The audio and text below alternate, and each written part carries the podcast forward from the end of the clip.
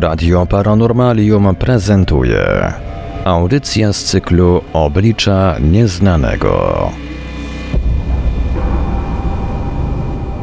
Witamy wszystkich Państwa bardzo gorąco i serdecznie w poniedziałek 13 marca 2023 roku na antenie Radia Paranormalium. Właśnie tutaj, właśnie teraz rozpoczynamy kolejny odcinek audycji Obli Oblicza Nieznanego, w której dziś przyjrzymy się wybranym, najciekawszym przypadkom opisanym, najciekawszym przypadkom spotkań z nieznanym, opisanym w nieznano-światowej rubryce Dotknięcia Nieznanego.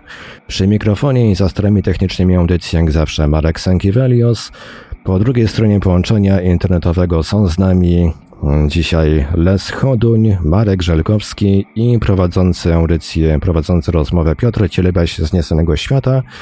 A ja jeszcze tylko przypomnę kontakty do Radia Paranormalium. Można będzie dzisiaj cały czas do nas pisać na numer SMS 530 620 493 530 620 493 Jesteśmy też na czatach Radia Paranormalium na www.paranormalium.pl oraz na czacie towarzyszącym naszej transmisji na YouTube.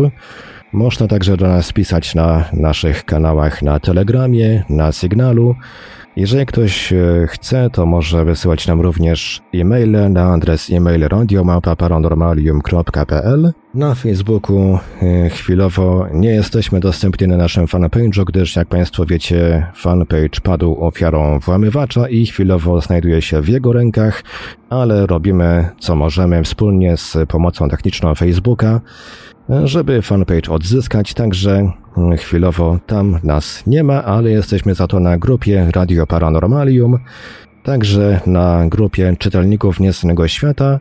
No i cóż, myślę, że po tym krótkim wstępie, po tych kontaktach, które Państwo prawdopodobnie i tak znacie, ale dla formalności je przypomniałem, myślę, że mogę teraz oddać głos spokojnie Piotrowi Cielebiasiowi. Piotrze? Dobry wieczór. E, witam Państwa w dziesiątym odcinku Oblicz Nieznanego, ostatnim odcinku serii. E, jednocześnie zapraszam Was za tydzień o tej samej porze na premierowy odcinek nowego formatu Fakta Incognita. E, będą mocne, ciekawe, mocne tematy, ciekawe historie i bardzo śmiałe hipotezy. E, cóż, dzisiejszy odcinek to taki, taki wstęp do mm, nowego mikrocyklu, w którym prezentować będziemy najdziwniejsze historie czytelników, jakie na przestrzeni no, blisko 33 lat trafiły do redakcji miesięcznika Nieznany Świat, w którym, jak wiecie, pracuję. E, dla tych, którzy nie wiedzą, czy, czym Nieznany Świat jest, e, to tak pokrótce. Jest to, jak wspomniałem, miesięcznik, którego pierwszy numer ukazał się w roku 1990. Natomiast był też numer próbny, który ukazał się 40 lat temu, ale mm, perelowskie władze no, nie zgodziły się na to, by ukazywało się pismo o zjawiskach, które oficjalnie nie istnieją. Mm, e, twórcami pisma byli dziennikarz i prawnik Marek Rymuszko i jego żona Anna Ostrzycka-Rymuszko, która po śmierci Marka w roku 2019 została mm, redaktor naczelną. E, pismo porusza szeroko pojętą tematykę od parapsychologii przez e, zagadki nauki, ezoterykę, spotkania z UFO, życie po życiu, na które jest kładziony duży nacisk i tak dalej, i tak dalej. No, oczywiście teorie spiskowe, zdrowie alternatywne, cały przekrój tematyczny, jeżeli chodzi o szeroko pojęte nieznane. Yy, nieznany świat oczywiście możecie znaleźć w kiosku, yy, saloniku prasowym. Szukajcie nas, nas też na stronie www.nieznanyswiat.pl. Mm, odwiedzajcie także witrynę naszego sklepu www.nieznany.pl. No i te wszystkie facebookowe konta, yy, do których linki znajdziecie poniżej. Witam Was panowie w takim jubileuszowym dość niezwykłym odcinku, bo on też będzie miał dość niecodzienną formę. No i tak na wstępie les pytanie, bo wiemy, że u ciebie trwa taki gorący, gorący twórczy okres. E, pracujesz nie dość, że nad reedycją swojej książki poświęconej zjawiskom paranormalnym, to jeszcze nad płytą. I kiedy możemy się spodziewać owoców tej pracy? W zasadzie pracuję przede wszystkim dobry wieczór, dzień dobry wieczór wszystkim. A tak ogólnie pracuję nad dwiema płytami. Materiał do pierwszej płyty, e, która jest drugim, drugim krążkiem projektu Topielica. To jest e, projekt rockowy artysty, który zajmuje się black metalem i jest liderem legendarnej w Polsce black metalowej formacji Christ Agony. Z którymi zrobili już chyba bodajże z 10 czy 11 płyt i jest znany zarówno w Polsce, jak i na świecie. Tam jestem głównym wokalistą, współautorem tekstów. E, wokale już zarejestrowałem, one są teraz w, spokojnym, w spokojnej obróbce, a w tym momencie zajmuję się moją drugą płytą, e, w zasadzie chyba naj, największym moim obecnie oczkiem w głowie, to jest płyta Heavy Words. E, zaczęło się od tego, że w ubiegłym roku zrealizowałem mm, wokale, napisałem tekst i nagrałem wokale do instrumentalnego utworu zespołu Metallica, e, który nie był zaśpiewany, że się tak wyrażę, od początku, jak został wydany w 1984 roku na płycie Ride the Lightning. Chodzi o utwór The Call of Cthulhu. E, efekt tego można znaleźć między innymi na moim YouTubie, e, ale też bardzo fajny, bardzo pozytywny artykuł napisał drugi co do wielkości na świecie serwis muzyczny piszący o roku i metalu Loudwire e, w Stanach Zjednoczonych.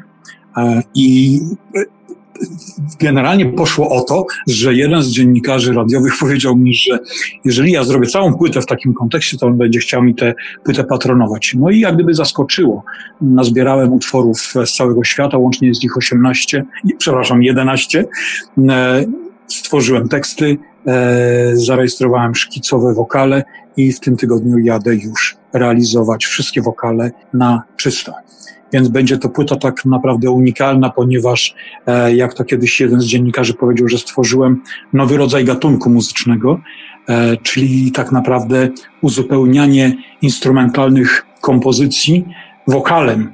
E, I tu jest akurat zasadą to, żeby te wokalne warstwy, które są osadzone na oryginalnym podkładzie muzycznym, żeby wzbogacały, żeby integrowały się z tym klimatem, który oryginalna kompozycja prezentuje, no jednocześnie pisząc teksty, zachowuje koncept, e, który zawiera się w tytule, więc jeżeli, e, tak jak Metallica zrobiła The Call of Cthulhu, wiadomo, że chodzi o nowelę Lovecrafta ze Cthulhu, dokładnie odniosłem się do tego tematu, przeczytałem, wybrałem, doszlifowałem, stworzyłem po prostu taką bardzo, bardzo soczystą opowieść. Zapraszam na mojego YouTube'a, tam można tego dotknąć, więc wiadomo w jaki sposób staram się mm, te materiały opracowywać.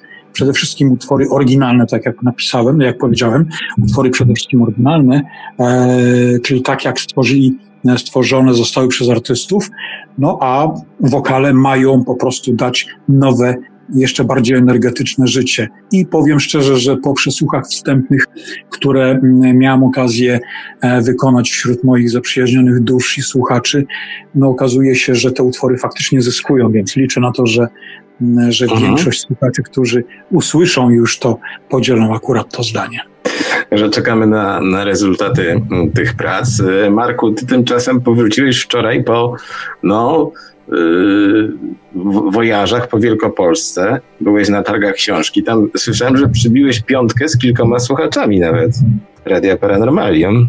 Mm, tak, to prawda. Y, byli na stoisku, odwiedzili, mm, mówili, że słuchają. To zawsze, to zawsze miłe i Zawsze mile, miło jest wymienić e, kilka, kilka zdań, czy, czy nawet dłuższą rozmowę przeprowadzić o tym, co się robi, e, usłyszeć e, może kilka komplementów, czasami jakichś uwag, czy ewentualnie jakichś propozycji. Wszystko sobie to skrzętnie gdzieś w głowie zanotowałem. Pewno z czasem zaowocuje. Sama impreza też udana. Mm, no, proszę Państwa, w tak to przekonanie, że mm, nikt nic, niczego już dzisiaj nie czyta, myślę, że jest y, przesadzone. Znaczy te dzikie tłumy, które mm, hasały po, po halach międzynarodowych targów poznańskich, no, mam takie wrażenie, że, że to, to, to, to takie przekonanie, że już się nie czyta, bo to niemodne, bo są inne, inne środki rozrywkowe, czy też sprzyjające rozrywce, to jest no, przynajmniej nadużycie. Mm, co ważne, mm, taka obserwacja, że młode pokolenie zaczęło znowu czytać, y, to średnie ono chyba y, pozostanie w swoim bezczytelnictwie, że tak sobie to określę. Przynajmniej część jego oczywiście. No jak zwykle tu, tu stosowanie mm, takich wielkich kwantyfikatorów z cyklu wszystko, zawsze, wszędzie, to nie ma sensu. Natomiast to, to średnie pokolenie rzeczywiście jest jakoś bardziej oporne.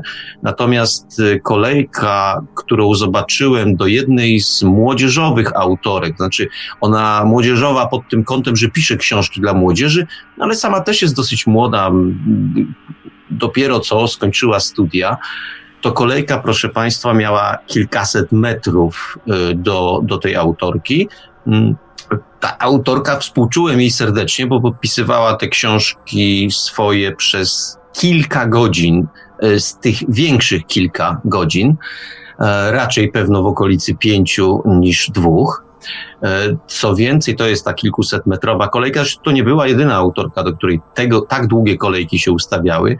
No i troszkę się um, ubawiłem, bo um, z, z racji tego, że to targi, no to stała ochrona, i dopuszczano do autorki po jednej osobie i to był właściwie stały schemat. E, najpierw e, przywitanie z autorką na misiaczka, to najczęściej były dziewczyny tak do 18 lat mniej więcej, przywitanie na misiaczka, później krótka rozmowa, dwa, trzy, cztery zdania, mm, Później e, autorka wpisywała coś miłego do książki. Później obowiązkowy selficzek, no, misiaczek na koniec i pan ochroniarz mówił następny proszę. To była następna dziewczyna i to proszę państwa, ja sobie stałem z boku i obserwowałem i w pewnym momencie miałem takie wrażenie, że film się zaciął, bo to za każdym razem wyglądało tak samo. No ale to są takie moje drobne, wredne złośliwostki. Natomiast y, sam fakt, że kilkusetmetrowa kolejka ustawia się do autorki, no był dla mnie mocno budujący, a jak sobie obserwowałem jeszcze kolejki do Katarzyny Bondy, do pana Ćwirleja, do wielu, wielu innych autorów, to naprawdę zacząłem wierzyć, że jednak czytelnictwo nie umrze. To tyle takich krótkich refleksji z targów. Tak, a my jeszcze polecamy oczywiście książki wydawnictwa Bibliotekarium. E, nie tylko science fiction, trzeba o tym pamiętać. Link obiecuję, znajdziecie pod spodem. Ale przejdźmy do tych, do dziś, tematyki dzisiejszego odcinka, e, bo ona wiąże się z rubryką, która w nieznanym świecie nazywa się Dotknięcie Nieznanego. E, mówiąc szczerze, to jeden z najstarszych stałych rubryk w naszym miesięczniku e, i to jest dział najprościej mówiąc, w którym od lat drukujemy historie nadsyłane przez czytelników. To są historie o ich, jak y, mówi sam tytuł, zetknięciu ze zjawiskami uznawanymi za niezwykłe. Y, wielu z nich zdecydowało się opublikować te historie pod własnym imieniem i nazwiskiem. Y, no, a my, drukując je, zawsze staramy się też wyciągnąć z ich jak najwięcej informacji listy, które do nas nadchodzą zarówno drogą elektroniczną, jak i tradycyjną, no do, dotyczą bardzo różnych, y, różnych zjawisk, od y, spotkań z duchami, przez obserwacje UFA, także rzeczy, które są trudne do sklasyfikowania. I w dzisiejszym programie, mm, jak powiedziałem, pierwszym z cyklu, omówimy partię składającą się z siedmiu wybranych, najdziwniejszych Mm, naszym zdaniem, zdaniem historii z archiwum Nieznanego Świata. Y, I tutaj dodam, że nie są to relacje nowe, bo Nieznany Świat liczy sobie już prawie 33 wiosny, natomiast te historie, które dzisiaj usłyszycie, pochodzą w większości z rocznika 2000 z 2003 roku, czyli mają prawie 20 mm, lat. Ja tylko dodam, że jeżeli chcielibyście się podzielić takimi mm, niezwykłymi historiami z nieznanym światem, możecie pisać na adres redakcja małpa nieznane.pl. Oczywiście możecie też te relacje kierować mm, pod znane sobie adresy y, Radia Paranormalium. Do schematu dzisiejszej audycji wybraliśmy znowu formę iceberga, dlatego że wydaje nam się, że jest no, stworzona wręcz do publikowania niektórych rzeczy. Tym bardziej, że te przypadki dzisiejsze uszeregowaliśmy od tych takich najmniej, hmm, one są wszystkie dziwne i trudno powiedzieć, że któryś jest najmniej dziwny, ale od tych najmniej zaskakujących pod ten, no, budzące budzące dreszczyk i gęsią skórkę. Um, czyli jak powiedziałem, mamy siedem historii nadesłanych do nieznanego świata. Każda z nich zostanie wzbogacona o jakiś tam komentarz z naszej strony. Um, także cóż, zaczynajmy. Pierwsza historia, e, pierwsza historia, która jest na samym czubku naszej góry lodowej, krótka, e, może tak na pierwszy rzut oka mało zaskakująca, ale jednak dająca do myślenia, nosi tytuł Niewidzialny gracz. Została ona opublikowana w nieznanym świecie na początku 2003 mm, roku. Jej autorem jest pan Marcin S. ze Strzyżowa, który był naocznym świadkiem tego zdarzenia, no ale prawdopodobnie świadków było dużo więcej. Mm, pan Marcin Marku przez lata grał w koszykówkę. Jak pisze, reprezentował różne kluby, no i na takiej sportowej emeryturze postanowił wrócić do pasji z młodości. No i wiadomo, no nie wrócił do koszykówki zawodowej, ale pojawiał się na różnego rodzaju branżowych czy okolicznościowych meczach. No i, no i na jednej z takich imprez doszło do czegoś bardzo, bardzo dziwnego. Tak, dziwnego, mm, bo tak jak powiedziałem, pan Marcin był wysportowany, w to grał w siatkówkę, a potem, y, ale grywał też w koszykówkę i to właśnie przy zawodach y, związanych z koszykówką. Wydarzyła się rzecz niezwykła, bo mm, po przechwyceniu podania mm, był w lewym narożniku przeciwnika i po przeci- kiedy przechwycił podanie, no to zdarzyła się sytuacja taka, że no co robi zawodnik? No oczywiście rzuca w kierunku kosza, no, tym bardziej, że tu już prawie nadepnął na, końcow, na końcową linię, no więc tak musiał się odwinąć troszeczkę. Oddał y, pan Marcin rzut do, w kierunku kosza, y, jest mańkutem, więc to był rzut, tak jak sam podkreśla w swojej wypowiedzi, niemal, niemal równoległy do tablicy. E, do płaszczyzny tablicy. Każdym razie e, już kiedy pewno myślę, tego tak to dokładnie nie pada, ale z pewnego doświadczenia wiem, że jak człowiek wykonuje rzut, to kiedy piłka leci, to już się wie, czy, czy, czy człowiek e, zrobił to dobrze, czy jednak chyba nie. I tutaj wyraźnie zauważył y, nasz autor, że chyba ten rzut jest za krótki. Tak jak sam pisze, o jakieś pół metra i ta piłka no, zaczęła opadać przed obręczą. Kiedy była na, na poziomie owej obręczy, y, a zatem tu od razu sobie to powiedzmy, nie miała prawa wpaść już do kosza, no, skoro, skoro na tej, na przed, przed obręczą się znalazła, już y, zaczęła spadać. A jednak, a jednak yy, zdarzyło się coś, co, co można określić mianem niezwykłego zjawiska, bowiem yy, ona przemieściła się ta piłka, yy, uniosła w górę i, i, przemieściła się o te brakujące, nie wiem, kilkadziesiąt, kilkadziesiąt centymetrów. No i zdumieni byli wszyscy, nie tylko sam rzucający, ale również e, ludzie obecni na hali sportowej, bo te zawody właśnie w hali sportowej się odbywały, odbywały e, i to chociażby upada argument o jakimś, jakiejś ingerencji typu podmuch wiatru na przykład. No trochę to by było raczej na hali niemożliwe. No w każdym razie y, zarówno publiczność, i partnerzy współgrający, y, w, biorący udział w tym meczu, również zauważyli to coś, co się wydarzyło. No, nawet brawa podobno, podobno nasz bohater dostał. I zauważcie Państwo, no, wydawać by się mogło, że to, co tam za niesamowite zjawisko. A jednak, kiedy się wydarza, to człowiek ma jakąś taką, takie doskonałe przekonanie, że no, był świadkiem czegoś, co właściwie wydarzyć się nie powinno. Tak, że najciekawszą, e, najciekawszym elementem tego typu historii są słowa samych świadków, postanowiliśmy Wam nagrać po małym fragmenciku każdej z tych relacji, takim kluczowym, zawierającym esencję niezwykłości.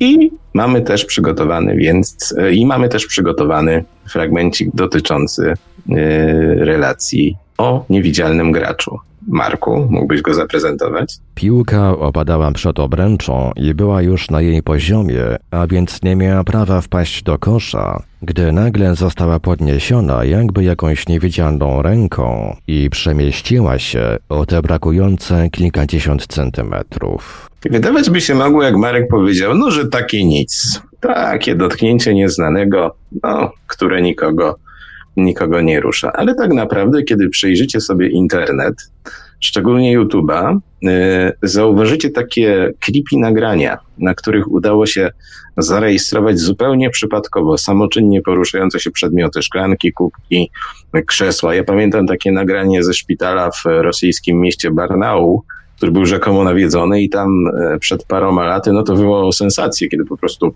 w pewnym momencie stołek wyparował dosłownie na środek korytarza. Pamiętam takie poruszające nagranie samoczynnie poruszającej się nawiedzonej huśtawki z Argentyny. No ale przecież te mm, dotknięcia nieznanego, które są tuż obok nas, które zdarzają się co dzień, no chyba, chyba najbardziej poruszają. Pamiętamy też na przykład, że 10 lat temu, w roku 2013, głośno zrobiło się o samoczynnie poruszającej się jakiejś starożytnej figurce pochodzącej z Egiptu, e, która na wystawie w tamtejszym muzeum zaczęła się w dziwny sposób obracać. Mówiono, że to tylko naturalnie występujące wibracje. No ale w przypadku relacji pana Marcina Les, e, trudno takie wnioski. E, czy rzeczywiście Twoim zdaniem ten niewidzialny gracz mógł tam dopomóc? Nie potrafię sobie tego tak wyobrazić, e, dlatego że wiesz, no to jest zupełnie niecodzienna sytuacja, kiedy masz do czynienia z piłką leconą, lecącą określoną trajektorią.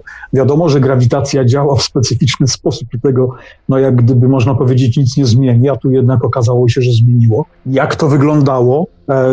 Być może uważniejsza obserwacja, wiesz, to inaczej człowiek reaguje, kiedy ma możliwość unaocznienia sobie tego czegoś, tak jak opowiadasz o tych przykładach związanych z, z tymi przemieszczaniami się, tak? Mówimy tutaj o poltergeistach różnego typu, jak dajmy na to, nie pamiętam skąd, ale um, szpital i jeżdżące nosze samoczynnie. E, to zarejestrowane coś e, kamerą przemysłową ze szpitala, albo na przykład rejestrację ze szkoły, gdzie szafki uczniów otwierają się i po prostu wylatują stamtąd rzeczy, czy krzesła, które są przewracane, jak gdyby miotane jakąś niewidzialną siłą. No tak, to są rzeczy totalnie creepy, ale my w takich sytuacjach mamy możliwość obejrzenia tego i zweryfikowania.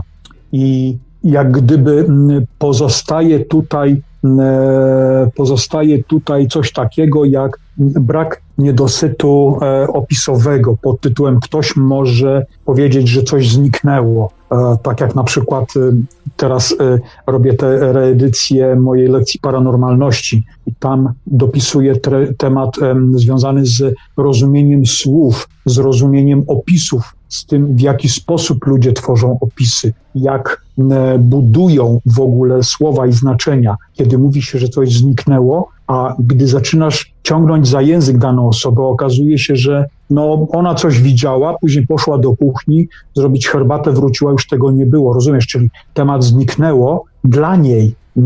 To był temat dość szybkiego, krótkiego czasu, tak? Czyli powiedzmy, nie wiem, kilku sekund, kilkunastu, może kilku minut wręcz, e, ale gdy ona poszła, wróciła, tego już nie było. Natomiast pojęcie zniknąć może być związane z tym, że coś się rozpłynęło, błyskawicznie się przemieściło lub cokolwiek innego, więc rozumienie i budowanie przekazu. Więc tutaj to, to nam daje pewnego rodzaju smaczek, że mówimy tutaj nie tylko o osobie, która rzucała i miała wrażenie, tak jak powiedziałeś, że no przecież rzucasz i wiesz, kiedy i w jaki sposób ta piłka leci, czy się uda, czy się nie uda, ale też inne osoby to widziały. E, I trudno jest tutaj e, dyskutować, natomiast fajnie jest, że było tylu świadków. Natomiast jak to na, tak naprawdę wyglądało, no niestety my nie wiemy. Tak? Więc tu jest ten niedosyt tego, że nie, nie mieliśmy okazji tego obserwować i nie zostało to przez nikogo zarejestrowane. Mhm. A często jest właśnie tak, że zjawiska paranormalne ludzie kojarzą z jakimiś wielkimi, mm, głośnymi sprawami czy spektakularnymi manifestacjami, a właśnie bywa e, tak jak we wspomnianej opowieści, czyli coś dzieje się nawet na oczach wielu osób i jest tylko takim, taką małą aberracją, niewielką anomalią, ale dość znaczącą. To znaczy, yy, mamy świadomość, że coś w tej rzeczywistości yy, stało się nie tak, jak powinno. I myślę, że takie coś w głębi gdzieś tam yy, każdego z nas porusza jakieś, jakieś struny i budzi jakiś niepokój. Tutaj też mamy coś, co się nazywa umiejętność spokojnej obserwacji. czyli żeby bez jakiejś tam egzaltacji, bez y, podniecania się, że coś paranormalnego, czy coś bardzo materialnego i tak dalej, bez skrajności jak gdyby, tak? Czyli umiejętność obserwacji na zasadzie oglądania i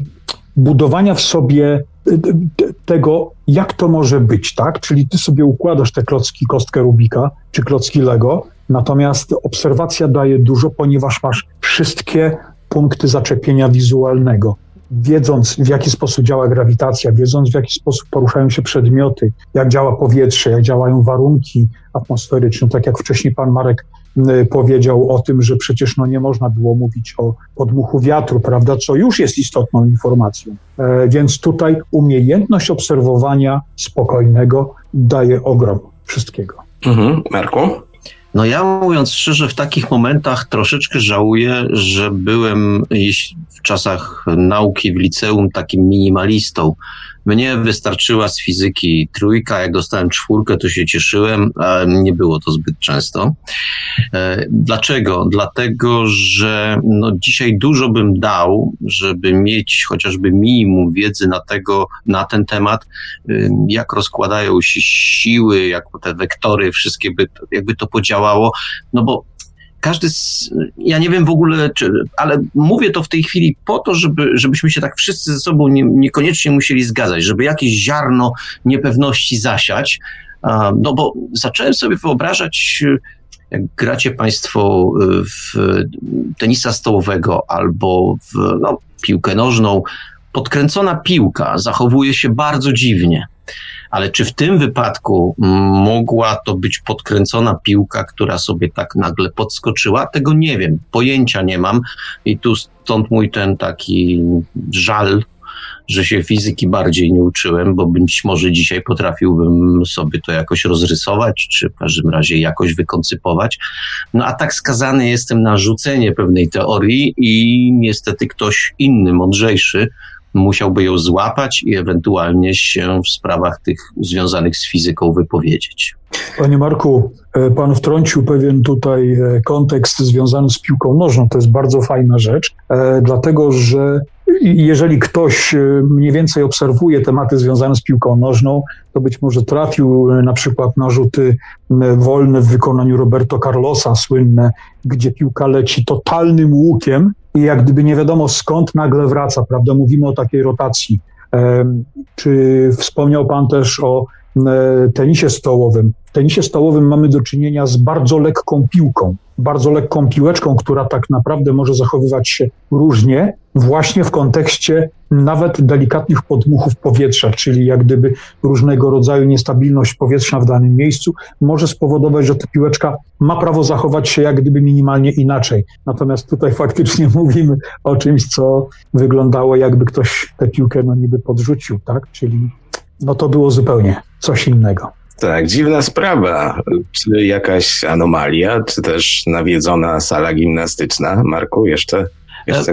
A propos tenisa stołowego, no to zgoda, piłka jest lekka, tylko że ja miałem okazję obserwować takich wyjadaczy w, te, w tej dyscyplinie i to byli ludzie, którzy potrafili, mm, nie wiem jak to się fachowo nazywa, ale wręcz, i to świadomie robili, mm, taką stojącą piłkę, a czasami wracającą. Ona tak rotowała, e, ale jakoś tak przydziwnie, że ona potrafiła nawet wyjść tu troszeczkę mi słownictwa brakuje, wyjść poza tę siatkę na, na, na, na, na, pole, na pole przeciwnika, po czym zupełnie, zupełnie zmienić kierunek.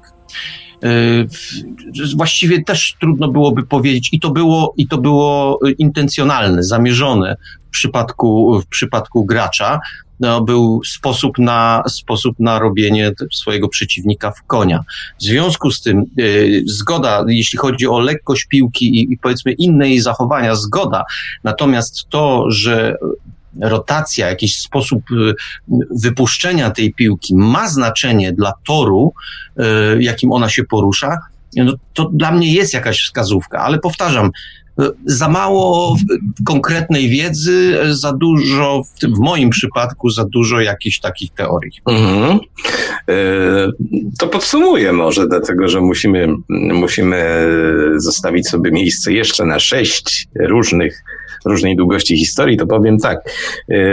W sieci możecie sobie znaleźć rzeczywiście e, wiele nagrań pokazujących, że no, przedmioty, które powinny nie poruszać się same z siebie, jednak się poruszają. Czy dzieje się to za pośrednictwem no, jakichś e, powiedzmy swobodnych energii, które mm, e, zupełnie naturalnego pochodzenia, czy też ma to związek z siłami paranormalnymi? Hmm. Trudno jest na to pytanie odpowiedzieć. Tak samo w, tym, w, tym, w tej historii o niewidzialnym graczu nie odpowiemy sobie finalnie na, na pytanie, czy w grę wchodzi jakiś tam, e, jakaś tam tajemnicza energia o zupełnie fizycznej naturze, czy jak powiedziałem, nawiedzona sala gimnastyczna. Ale przejdźmy do historii numer dwa. Ona jest troszeczkę niżej pod szczytem na naszym icebergu. I ona się nazywa, ona się nazywa, już wam mówię, mm, Dom, którego nie było. Możecie sobie tutaj, możecie się już tutaj domyślić, o co chodzi.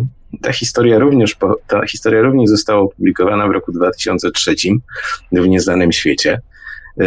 I autorka y, relacjonuje nam wyprawę ze swoją kuzynką oraz matką tej kuzynki, czyli swoją ciotką, do Dziekanowa Leśnego w pobliżu Warszawy. Ta kuzynka szukała domu do, do kupienia, no i w pewnym momencie przejeżdżając przez wspomnianą miejscowość, y, obie kobiety zauważyły bardzo charakterystyczny budynek, ale pojechały dalej. Mówię obie kobiety, gdyż ta pani wspominała, że ciotka, która siedziała z tyłu, no akurat y, była zajęta czymś innym. Szukając tego domu dla kuzynki, y, rozglądały się po okolicy, no i w drodze powrotnej chciały przyjrzeć się jeszcze raz widzianemu na początku budynkowi. Okazało się, że on jednak nie istnieje. W miejscu, które doskonale pamiętały, gdzie widziały ten bardzo charakterystyczny budynek, nie było nic. Pani Barbara, która, jak powiedziałem, jest y, autorką tej relacji, mm, no, nie była go w stanie zlokalizować, pomimo faktu, mm, że przemierzała tą trasę wielokrotnie później, mm, gdyż w owym dziekanowie leśnym pracowała. Y, Les, y, Jakie masz odczucia dotyczące tej historii? Bo to jest taki schemat, który się pojawia jednak dość często, że ludzie nagle trafiają do jakiejś zmienionej, zmienionej rzeczywistości, w której nic nie jest takie, jak być powinno. Dokładnie tak. Ja mm, nie przytoczę specjalnych szczegółów, natomiast y, swego czasu y, bardzo polubiłem autora, który nazywa się Wiktor Parkas. To jest y, dziennikarz śledczy, który opublikował bodajże dwie książki, przynajmniej na razie wiem o dwóch książkach i obydwie książki mam, Ukryte rzeczywistości i, i, i chyba jakaś jeszcze o podobnym, y, o podobnym tytule. Tam między innymi opisuje człowiek mm, o okolicznościach, które wydarzyły się gdzieś na świecie, które potwierdzone były przez ludzi, przez jakieś doniesienia prasowe tak i tak dalej. I między innymi opisywał też y, bodajże, o ile pamiętam, coś związanego właśnie z domem, czy nawet wręcz pałacem. To był jakiś okres II wojny światowej, gdzie e, z okien pewnego miejsca było widać pałac, a później nagle się okazywało, że tam nie było tego budynku.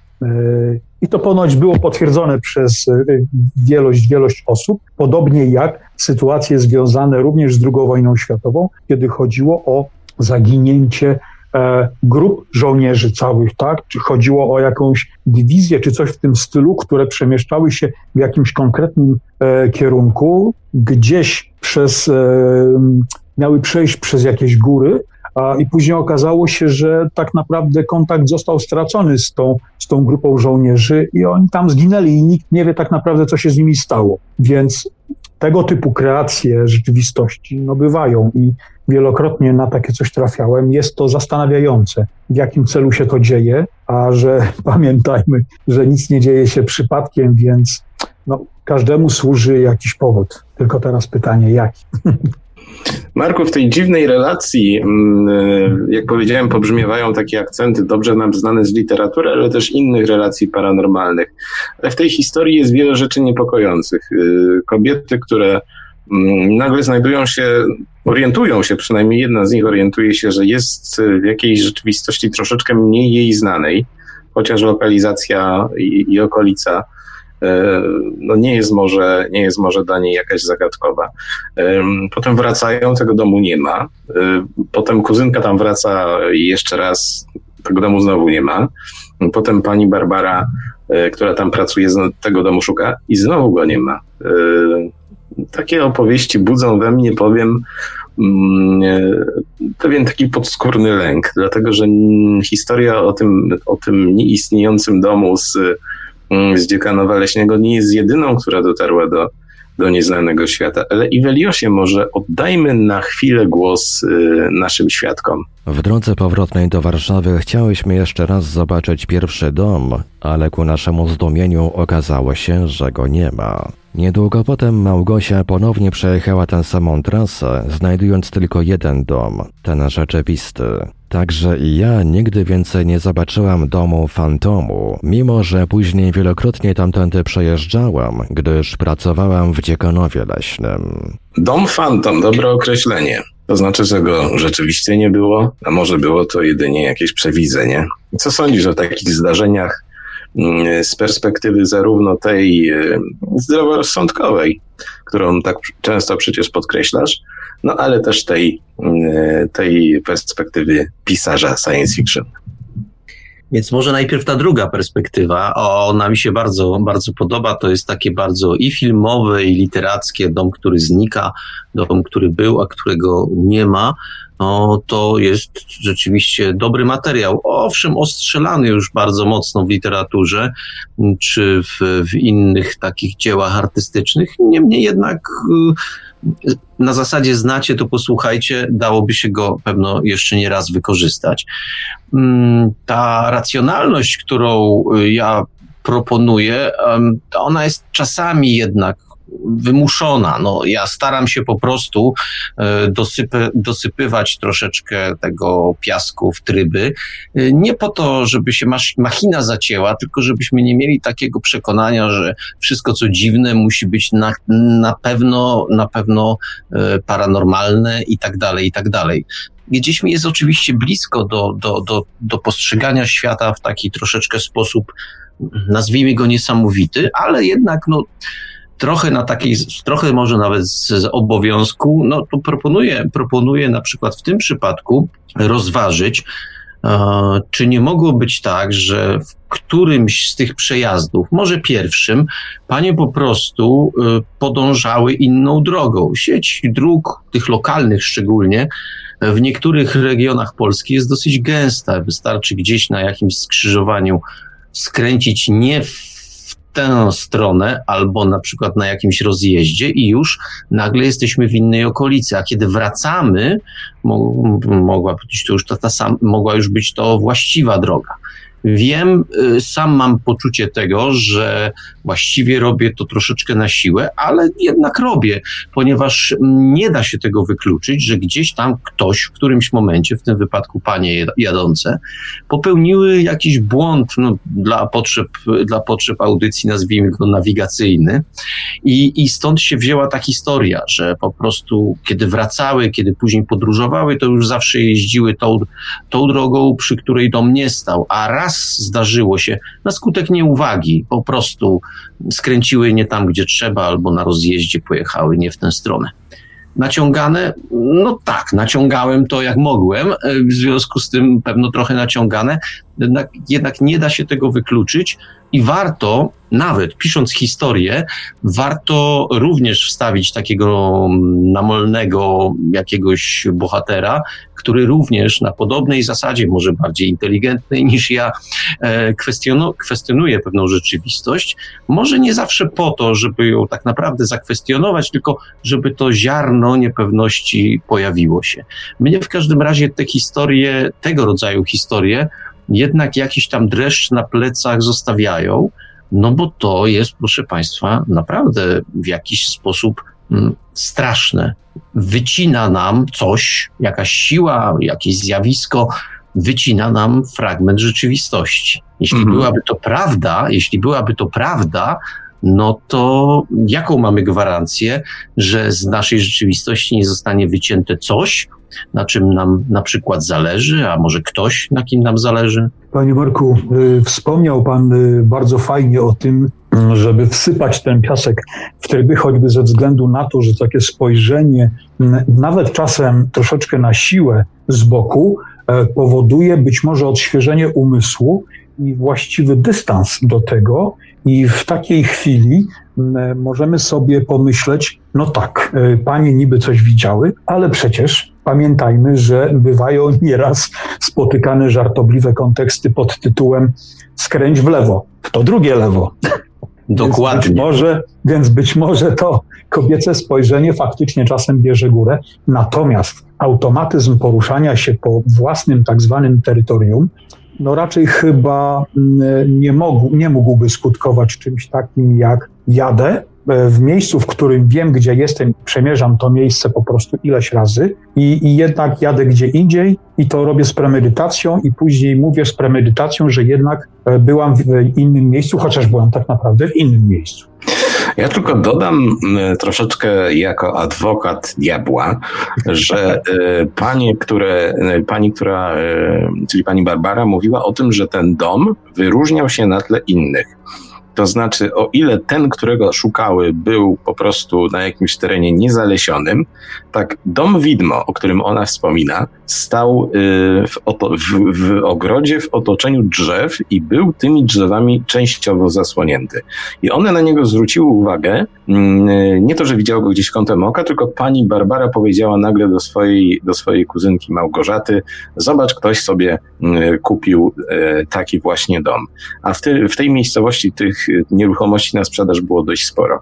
Dziwne, że, mm, że tego nie zauważyły, ale ja wam powiem coś, co, co, coś jeszcze bardziej przerażającego. Otóż na przestrzeni lat do nieznanego świata takich historii napłynęło no może kilkanaście. Mm, niektóre dały się wytłumaczyć tym, że ktoś na przykład pogubił po prostu w nocy drogę, albo źle się zorientował, gdzie tak naprawdę jest. Y, to działa, sam się tak parę razy naciąłem, kiedy na przykład padał deszcz w nocy, a ja jechałem samochodem, mm, albo nie paliły się światła, przy drodze i też tak naprawdę jest się nietrudno niekiedy, niekiedy zgubić, tym bardziej jeżeli jest się zmęczonym. Natomiast biały dzień mm, to jest chyba trochę inaczej. I ja sam pamiętam taką historię, która była przytaczana chyba, była przytaczana, tak, wydaje mi się, że była w audycji e, o efekcie Mandeli i, mm, i rzecz się działa we Wrocławiu. Tam pewien pan, który chciał sobie mm, e, skrócić drogę zwyczajnie, wszedł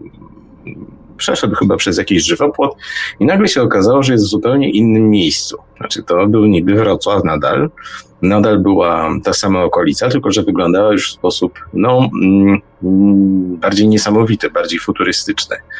E, nie to, że on się przeniósł do przyszłości, ale mm, budynki, które widział, wyglądały zupełnie, zupełnie inaczej i nie dało się to wytłumaczyć, nie wiem, chwilowym innym kątem padania promieni słonecznych. Nie, one wyglądały po prostu inaczej.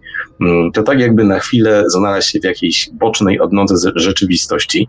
To był chyba pan Jacek, z tego co sobie przypominam, stały czytelnik Nieznanego Świata i on sobie w pewnym momencie uświadomił, że on może zostać uwięziony w tej, w tej bocznej odnodze Wrocławia w innej rzeczywistości i nawet się bał, jak wróci do domu. Na szczęście po prostu Y, y, po prostu wyszedł przez tą samą dziurę w, w żywopłocie czy w płocie, którą, którą tam wszedł i znalazł się już na powrót w tym Wrocławiu szarym, bodajże perelowskim jeszcze wtedy.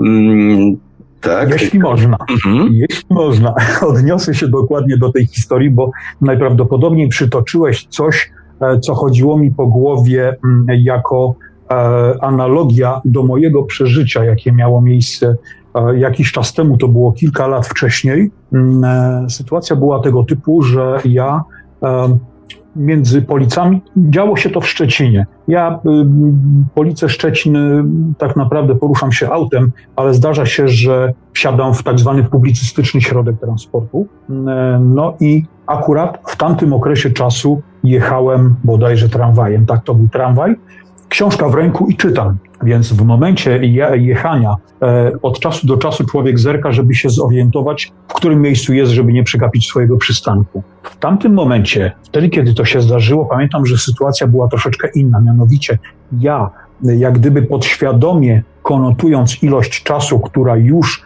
została e, spożyta na przemieszczanie się tym tramwajem, wydawało mi się, że powinienem znaleźć się dokładnie w jakimś konkretnym miejscu. I zerknąłem za szybę i po prostu taki, takie tabuny ciarek, jakie zaczęły mnie zżerać i taki, takie lodowate zimno niepewności, nie przypominam sobie czegoś takiego, bo okazało się, że właśnie jestem w Szczecinie. Ja rozpoznawałem, dokładnie tak jak mówiłeś przed chwileczką, dokładnie rozpoznawałem styl budynków Szczecina, e, który w odpowiedniej lokalizacji się znajdował. Natomiast ja nie kojarzyłem tego miejsca w, tamtej, w tamtym rejonie. I dla mnie to było po prostu jak właśnie przeniesienie się do jakiejś odnogi rzeczywistości, do alternatywnego wymiaru.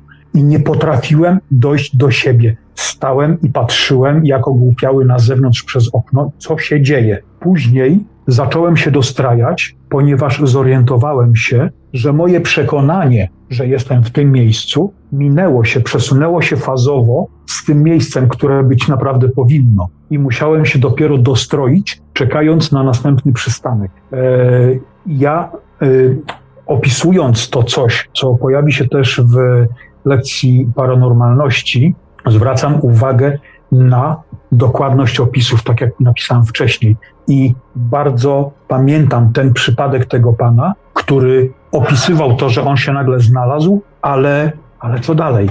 Tam nie było czegoś takiego, w jaki on sposób wracał do tej rzeczywistości. Przynajmniej ja sobie tego nie przypominam. E, więc e, to doskonale pamiętam i ten mój powrót, jak ta fala schodziła, jak się uspokajało i zacząłem nabierać temperatury ciała, że się tak po prostu y, kolokwialnie wyrażę, bo wszystko zaczęło stawać się oczywiste. Czyli zwyczajne przekonanie, że powinienem być w tym miejscu, nie trafiło na dane miejsce. I tylko z tego powodu powstał dysonans e, tak zwanego zbudowania pewności, że jestem tutaj, gdzie powinienem być. I być może czasem właśnie wynikają e, z takich sytuacji tego typu powody. Mhm. No, pamiętam wiele innych relacji mówiących o tym, że na przykład ktoś widział sceny, które nie powinny mieć miejsca. Um, przypominam sobie taką historię nadesłaną do nieznanego świata i ona była z Wiednia. E, napisał to Polak, który tam mieszkał. Po prostu pewnego dnia biegał sobie gdzieś w okolicach e, stolicy Austrii w pewnym momencie zauważył stojącą karetkę albo, albo samochód policyjny no i postanowił się temu przyjrzeć, co się stało. Pech chciał, że mm, sytuacja, która się rozgrywała, była widoczna tylko dla niego, była absolutnie rzeczywista. Te fantomy się poruszały.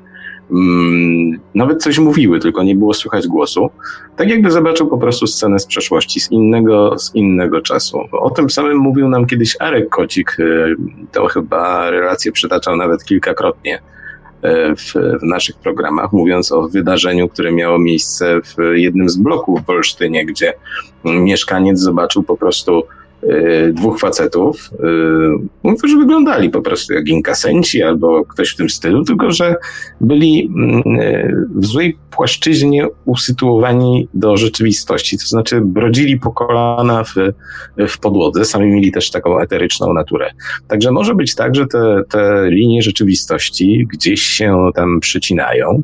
Nie, nie dzieje się to wyłącznie wyłącznie w filmach takich jak Wszystko Wszędzie Naraz, o których będziemy z Markiem opowiadać już w najbliższy piątek, ale mm, pod wpływem jakichś nieznanych nam sił tego, tego typu zjawiska yy, no, mają miejsce na co dzień. Tylko pytanie, czy, czy po prostu wpadamy w jakiś wir rzeczywistości i nagle ona nas wypluwa w, w, w, w jakimś zmienionej, zmienionym wymiarze, który jest taki jak nasz, ale, tylko, ale a różni się tylko jakimiś, jakimiś drobnymi szczegółami, czy po prostu, jak tutaj Les zasugerował, wszystko jest błędem takich nakładających się na siebie mm, problemów związanych z tym, jak świat postrzegamy. Ja jednak cały czas myślę o tym, mm, przypomniałem sobie pewną historię z dzieciństwa, no niech będzie, że z dzieciństwa, e, jak łatwo jest e, na prostej drodze, wydawałoby się, czasami popełnić błąd. Otóż ja,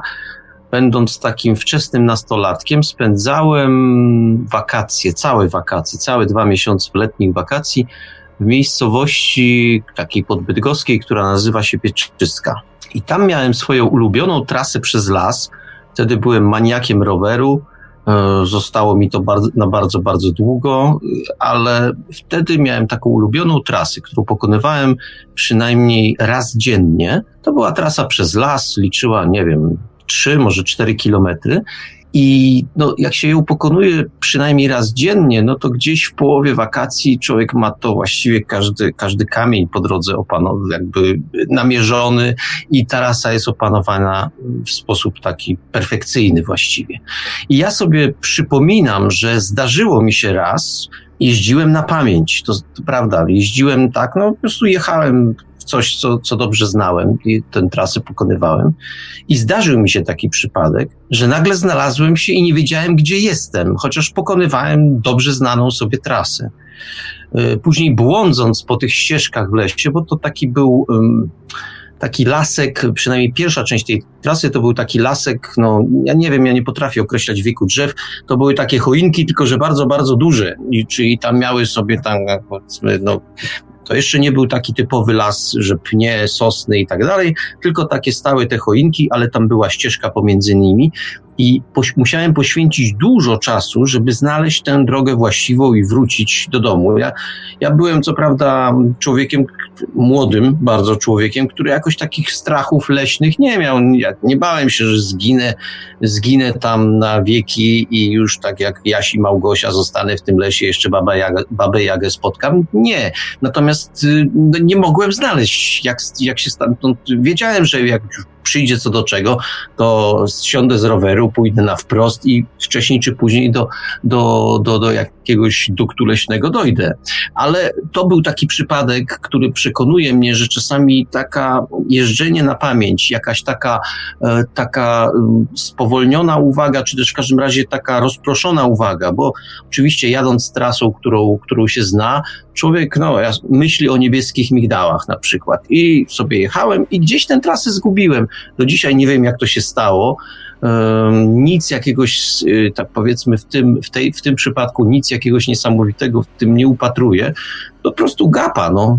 Byłem gapa, no i, i czasami takie niuanse zupełnie, gdzieś tam musiałem po prostu źle pojechać, gdzieś za, nie skręcić w tym momencie i cały czas mnie tego rodzaju przypadki, bo my, nam się tylko wydaje tak na co dzień, że my panujemy nad swoją percepcją, że my wszystko odbieramy, kontrolujemy, mielimy w sobie i po prostu panujemy nad tym. No okazuje się, że nie zawsze, że są takie momenty, kiedy nad tym nie panujemy i, ale nam się wydaje, że wszystko widzimy. No przecież jechałem, prowadziłem rower, yy, naciskałem te, te pedały, kierowałem i niby wszystko powinno działać. Raz nie zadziałało. W związku z tym ja dlatego pod, do tego rodzaju historii podchodzę ostrożnie, co nie znaczy, że nie lubię. Nawet bardzo lubię i one bardzo pobudzają moją wyobraźnię. I a propos tego typu projekcji, o których Piotrze wspominałeś, czyli panowie inkasenci brodzący w, po kolana w, w gruncie. Ja będąc, pamiętam, z rodziną w Malborku, zaprzyjaźniliśmy się z dwójką młodych przewodników, którzy tam prowadzali, no to opowiadali o tym, jak y, budowlańcy, którzy tam remontowali jakieś pomieszczenia, po prostu spierdzielali stamtąd, ponieważ widzieli właśnie tabun ludzi idących, jak gdyby właśnie brodzących po pas w, w miejscu, w którym tak naprawdę nie powinno nic być, czyli gdzieś w jakichś wnętrzach. Wiadomo, że wydarzenia, które dzieją się w naszej rzeczywistości, mają różno, różny potencjał energetyczny. Niektóre, niektóre są mniej energetyczne, niektóre, niektóre zawierają więcej tej energii. Być może właśnie te projekcje e, przez kogoś są łatwiejsze jak gdyby w odbieraniu, tak? czyli jak gdyby prościej jest się dostroić i, i pozyskać z tej przestrzeni tego typu przekaz. Mhm. To była druga historia na naszej liście, ale teraz przejdziemy do czegoś e, jeszcze dziwniejszego. Relacja nazywa się Człowiek z kuli. To jest, e, jak powiedziałem, trzeci punkt na naszym icebergu. Została ona nadesłana do nieznanego świata przez pana Eugeniusza Jana K. Człuchowa w roku 2003. Wydarzenie miało miejsce w latach 80. Pan Jan, Eugeniusz Jan pisze tak, że razem z kolegami próbował wywoływać duchy, no i traktowali te seanse spirytystyczne jako sposób spędzania wolnego czasu. I Weliosie, teraz chwila dla ciebie, przeczytaj nam kawałek tej relacji, którym e, kumuluje się cała niezwykłość. I oto jest rok 1983, a ja uczestniczę w seansie spirytystycznym. W pewnym momencie nad płomieniem świecy pojawia się kula o średnicy około 5-6 cm w kolorze dymu z papierosa. Widać w niej, jak na małym ekranie telewizora, przestrzeń i głębię obrazu. Obraz ten tworzą łąka z polną drogą i rozciągające się w dali łany żyta. Idzie nią mężczyzna prowadząc stary rower. Na głowie ma czapkę z daszkiem. Wygląda jak typowy rolnik z lat 50. Les. Y, co było właściwie potem? Bo to nie jest koniec tej historii. Yy, wiadomo, podczas seansów spirytystycznych dochodzi do różnego rodzaju dziwnych zdarzeń, ale dlaczego, dlaczego one nie są dzisiaj tak yy, popularne, jak były, jak były, jak miały wzięcie jeszcze kiedyś? Yy, no, przecież pamiętamy ten okres ogromnej ich popularności, ale nagle to wszystko jakoś ucichło. Czy to znaczy, że w Polsce nie ma osób, które by mogły albo miały jakieś predyspozycje, by takie seansy prowadzić, bo przecież trzeba do tego zdolności mediumicznych, jakby nie było. No ale żeśmy może odbiegli od, od sedna sprawy, bo dziwne doświadczenie pana Eugeniusza na tym się nie kończy. E, zdecydowanie nie odbiegliśmy. Myślę, że powodem takiej progresji w rozwoju tego typu podejścia do takich spraw e, może być e, po prostu nasza globalna wioska, której mamy coraz więcej. W telefonie, w laptopie, w telewizorze, e, dostępność, nagła dostępność do informacji e, w nagły sposób, w ciągu kilku minut, w ciągu kilku sekund czasem, jesteśmy w stanie zweryfikować mm, pewne informacje, jesteśmy w stanie dowiedzieć się czegoś nowego, e, albo nawet i zmienić swoje widzenie świata. Ze względu na to, że trafiamy akurat na pewnego rodzaju opis, na pewnego rodzaju e, sentencje, e, które potrafią do nas trafić w taki sposób, że identyfikujemy się z tym czymś. Więc mm, być może i na pewno jest tak, że osoby, które posiadają e, zwiększony kontakt z tamtą stroną, one to umieją, umieć będą. I są takie osoby, i takie osoby na pewno nie przestaną się pojawiać. E, natomiast e, być może ta globalna wioska sprawia, że jak gdyby zelżało troszeczkę zainteresowanie, e, ponieważ wiesz, to jest tak jak kiedyś pamiętam, to były historie, dajmy na to, jak opowiadano z Radiem Wolna Europa kiedy mm, informacje były przekazywane mm, przez te stacje, które nie były dostępne tutaj, ludzie siedzieli z atencją, chłonęli te wszystkie informacje. Później był okres, kiedy ja na przykład, oczywiście człowiek, który pasjonuje się i którego życiem jest e, cięższy rodzaj muzyczny, Pamiętam fanziny, magazyny muzyczne, które były przywożone przez ludzi e, wyjeżdżających chociażby do e, zachodniej Europy, czy do Stanów, do Kanady i stamtąd były przywożone różnego rodzaju gazety, prasa i tak dalej. I to było właśnie również z atencją celebrowane, to, że mam w ręku że oto coś nowego, coś, czego nie ma tutaj. A dzisiaj, kiedy tak naprawdę włączamy YouTube'a, włączamy internet i mamy pod dostatkiem wszystkiego, więc być może ta ogólnodostępność sprawiła, że ta chłonność nasza na tego typu rzeczy troszeczkę z, się zmniejszyła. I nie mówię tutaj o e, zmniejszającej się chłonności u wszystkich ludzi, bo jeżeli ktoś czuje, że, że chce po prostu się przestać interesować, a bo to bo coś tam, coś tam, no to to jest kwestia tylko i wyłącznie związana z konstruktem e, mentalnym danej osoby, e, ale jeżeli coś jest ciekawego, to powinno zawsze pozostać na topie zainteresowania. I tak samo będą ludzie, którzy wywołują duchy, to zawsze będzie umiejętność, to zawsze będzie coś, co wykracza poza naszą codzienność. I tak jak w przypadku na przykład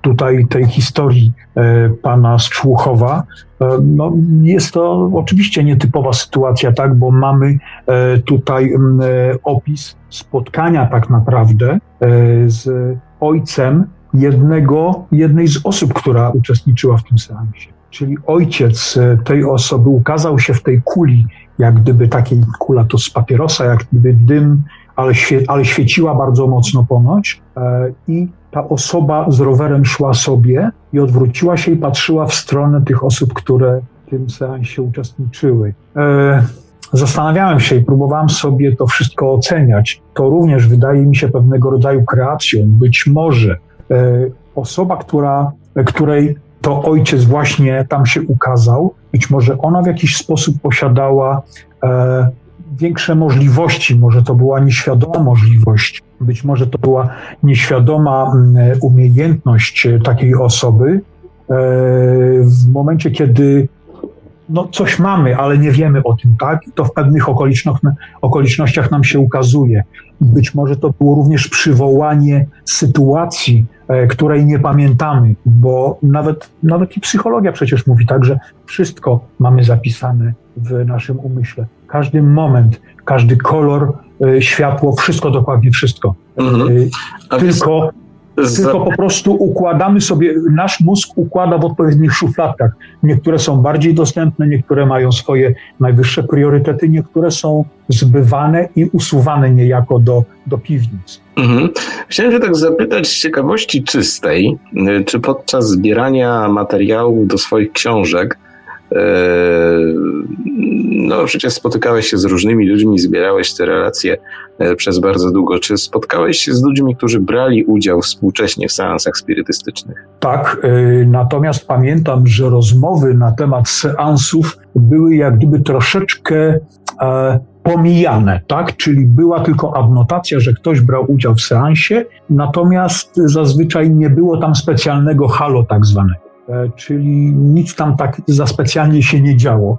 E, a być może to, to jest podejście tych ludzi, być może oni też mi opisywali coś, co było tak naprawdę inne, tylko że oni inaczej to potraktowali. Rozumiesz, to mogło mhm. być również w taki sposób przedstawiane. Ja muszę powiedzieć, że na przestrzeni wielu lat spotkałem się z bardzo niewieloma e, wiarygodnymi relacjami na temat przeprowadzanych w Polsce seansów spirytystycznych. Okej, okay, można powiedzieć, że e, każdy sobie może coś takiego zorganizować, natomiast chodzi mi o grupy, grupy spirytystów, którzy no, ogłaszają się, a może cały sęk w tym, że oni się w ogóle nie ogłaszają, że to jest przeprowadzane gdzieś w jakichś partyzanckich warunkach. Natomiast czasami dochodziły do mnie różnego rodzaju relacje na temat nieudanych seansów że ktoś próbował, bawił się, no i stało się coś dziwnego. I pamiętam taką opowieść e, e, kobiety, która w sumie kilkakrotnie próbowała się bawić w coś takiego i była o tyle, mm, nie wiem jak to powiedzieć, nieroztropna, że y, angażowała w to swoje dzieci, a także jakichś okolicznych nastolatków. No i za każdym razem, kiedy oni próbowali tam te duchy wywoływać, i to chyba sobie, wiecie, ustalali jakiś taki w ogóle randomowy porządek zdarzeń. Problem w tym, że ona te zdolności mediumiczne miała. Zawsze im coś przerywało, zawsze ich coś straszyło, ale koniec końców zdarzyło się coś, co, co sprawiło, że przestali w ogóle Otóż y, po prostu na podwórzu tej kobiety pewnego dnia pojawił się fantom, pojawiła się zjawa człowieka w czerni. Był to po prostu facet ubrany na czarno, który sobie stał. Problem w tym, że wyglądał jak ktoś y, z zupełnie innej epoki. No i od tego czasu ona skończyła już z tymi seansami, z tym wróżeniem i tak dalej, i tak dalej. Nie mówię tutaj o tym, żeby straszyć, broń Boże, kogoś, kto mm, próbuje sobie jakiś tam jakichś tam aktywności paranormalnych. Y, nie, nie. Natomiast potem w jej życiu miało miejsce szereg różnego rodzaju nieszczęść ona od tego w ogóle odeszła. Natomiast często bywa tak, że ktoś nieświadomy swoich zdolności, no, przyciąga do siebie różnego rodzaju siły i to jest przyczyną nieszczęścia często y, i oskarżeń o to, że, że wszelkie konszachty tak, z, ze spirytyzmem, ze zjawiskami paranormalnymi no, kończą się problemami, kończą się problemami psychicznymi, czy też jakimś tam dotknięciem nieznanego właśnie. A, a problemem jest zwykle to nieumiejętne obchodzenie się, brak y, przeszkolenia y, BHP, jeżeli chodzi o różnego rodzaju E, postępowania i doznania. Ale ja się tutaj rozgadałem, Marku, bo jeżeli mówimy o seansach spirytystycznych, mamy przed, przed oczyma wirujące stoliki, ludzi trzymających się za ręce, te media, które e, no, wyczyniały tam cuda. Dzisiaj już takich mediów nie ma. No może poza, poza Kajem Mygę, z Niemiec, e, który jest takim najsłynniejszym współczesnym medium spirytystycznym starego typu. Niestety trudno w jego przypadku odróżnić e, kuglarstwo od fikcji tak naprawdę ale warto na tą postać zwrócić uwagę. No ale wróćmy do tej historii niezwykłej o, o, tym człowieku z kuli, bo okazuje się, że seanse spirytystyczne, no coś, co obrosło legendą, co, co dzisiaj już jest takim E, echem przeszłości, no nagle okazuje się, że praktykowane było i działy się tam różne dziwne rzeczy. No tak, ale jeszcze wrócę na chwilę do, do tego, mm, do, do tych szansów spirytystycznych, bo z jednej strony jest e, tak, że mm, jakoś one rzeczywiście za, jakby zniknęły z krajobrazu mm, ale pytanie dlaczego, i to pytanie chyba ma wiele odpowiedzi, nie wykluczających się zresztą, tylko raczej takich, to takie, takie drogi, które są równoległe do siebie. Po pierwsze, to przekonanie o tym, że nowoczesność równa się wyeliminowanie z naszego życia wszystkiego, co jest paranormalne, co jest niezwykłe, co jest dziwne, Mm, część ludzi we współczesnym społeczeństwie takim właśnie przekonaniom hołduje. To znaczy, no, ktoś wierzy w jakieś dziwne rzeczy, to jest nienowoczesny. W związku z tym, ponieważ trzeba być nowoczesnym, no to się takie rzeczy w ogóle eliminuje z horyzontu swojego postrzegania. Ja nawet tego nie oceniam, to już sobie Państwo sami ocencie, natomiast no, ewidentnie takie zjawisko występuje. Jeśli się dzisiaj komuś powie, o jakby nawet napomknie o wywoływaniu duchów, no to w niektórych środowiskach jest taki, taki uśmieszek, E, taki, taki, taki z politowaniem właściwie mówić, no tak, tak, wywoływanie duchów oczywiście. To jest jedna strona medalu i myślę, że, że te seansy zniknęły między innymi dlatego, ale oczywiście zniknęły też, e, częściowo Piotrze o tym mówiłeś, zniknęły też z tego powodu, że z kolei niejako z drugiej strony nieustannie płynie ostrzeżenie, żeby tego nie robić, żeby nie dotykać nieznanego, żeby się nie kontaktować z tamtą stroną, bo stamtąd przyjdą demony, a nie bliscy. To jest rzecz oczywiście do, do, do, do analizy, do rozpatrzenia, no, oczywiście do przetrawienia w sobie, ale warto też mieć te, to na uwadze, że to też może od, od tego odstraszać. To radosne y, przywoływanie duchów, z którym mieliśmy do czynienia, no, no chociażby w pierwszej połowie XX wieku, ono dzisiaj jest praktycznie nieobecne. I znowu, jeśli mamy taką sytuację, że jedni traktują y, tego rodzaju aktywność jako grzech, grzech śmiertelny, a drudzy z kolei jako objaw zacofania i, i ciemnoty, no to trudno się, trudno się spodziewać, że, że, że to będzie jakieś zjawisko powszechne, że będzie budziło zainteresowanie. Ludzie mają teraz tyle innych, innych zajęć. To jakby, jakby określenie, opisanie krajobrazu, krajobrazu, który nas otacza. A teraz odnośnie, odnośnie samego, samego wydarzenia, no to cóż, no, jest jakaś, jest jakaś grupa świadków i ja oczywiście nie będę tu teraz robił, e, robił za, za tego sceptyka, e, bo, bo jest mi szalenie trudno to robić, bo próbując, to musiałbym zakwestionować na przykład prawdziwość, prawdziwość tego, co, co, co mówią bohaterowie, no ale właściwie dlaczego mam to robić? No to gdzieś tam z tyłu głowy jest oczywiście to pytanie, czy aby na pewno e, dana osoba powiedziała prawdę. No tam to właściwie w każdej sytuacji można tego rodzaju pytanie postawić. Sam, sam obraz natomiast, który został nakreślony, on jest niezwykle ciekawy. Taki chyba, to powiedzieć, akurat oryginalność to nie jest najlepszy, najlepszy wyróżnik, ale tak, to, to, to ten, te, ta relacja jest po prostu oryginalna. Ta kula, ten obraz w tej kuli. Mm, ja mówiąc szczerze, wcześniej czegoś takiego nie spotkałem i to może na przykład, y, może, ale nie musi, mm, wskazywać, że coś takiego albo zbliżonego rzeczywiście zaistniało i rzeczywiście to mógł być jakiś rodzaj przekazu, jakiś rodzaj e, komunikacji. Trudno coś więcej powiedzieć chyba. Tak. E, jedno, co jest w tym ciekawe, to fakt, że ludzie e, wywoływali, wywołują i wywoływać duchy będą. Mm, a co przy tym obserwują, to już inna sprawa. W każdym razie, moim zdaniem, historia bardzo ciekawa, ale przejdźmy do mm, kolejnej, to numer cztery na naszej liście.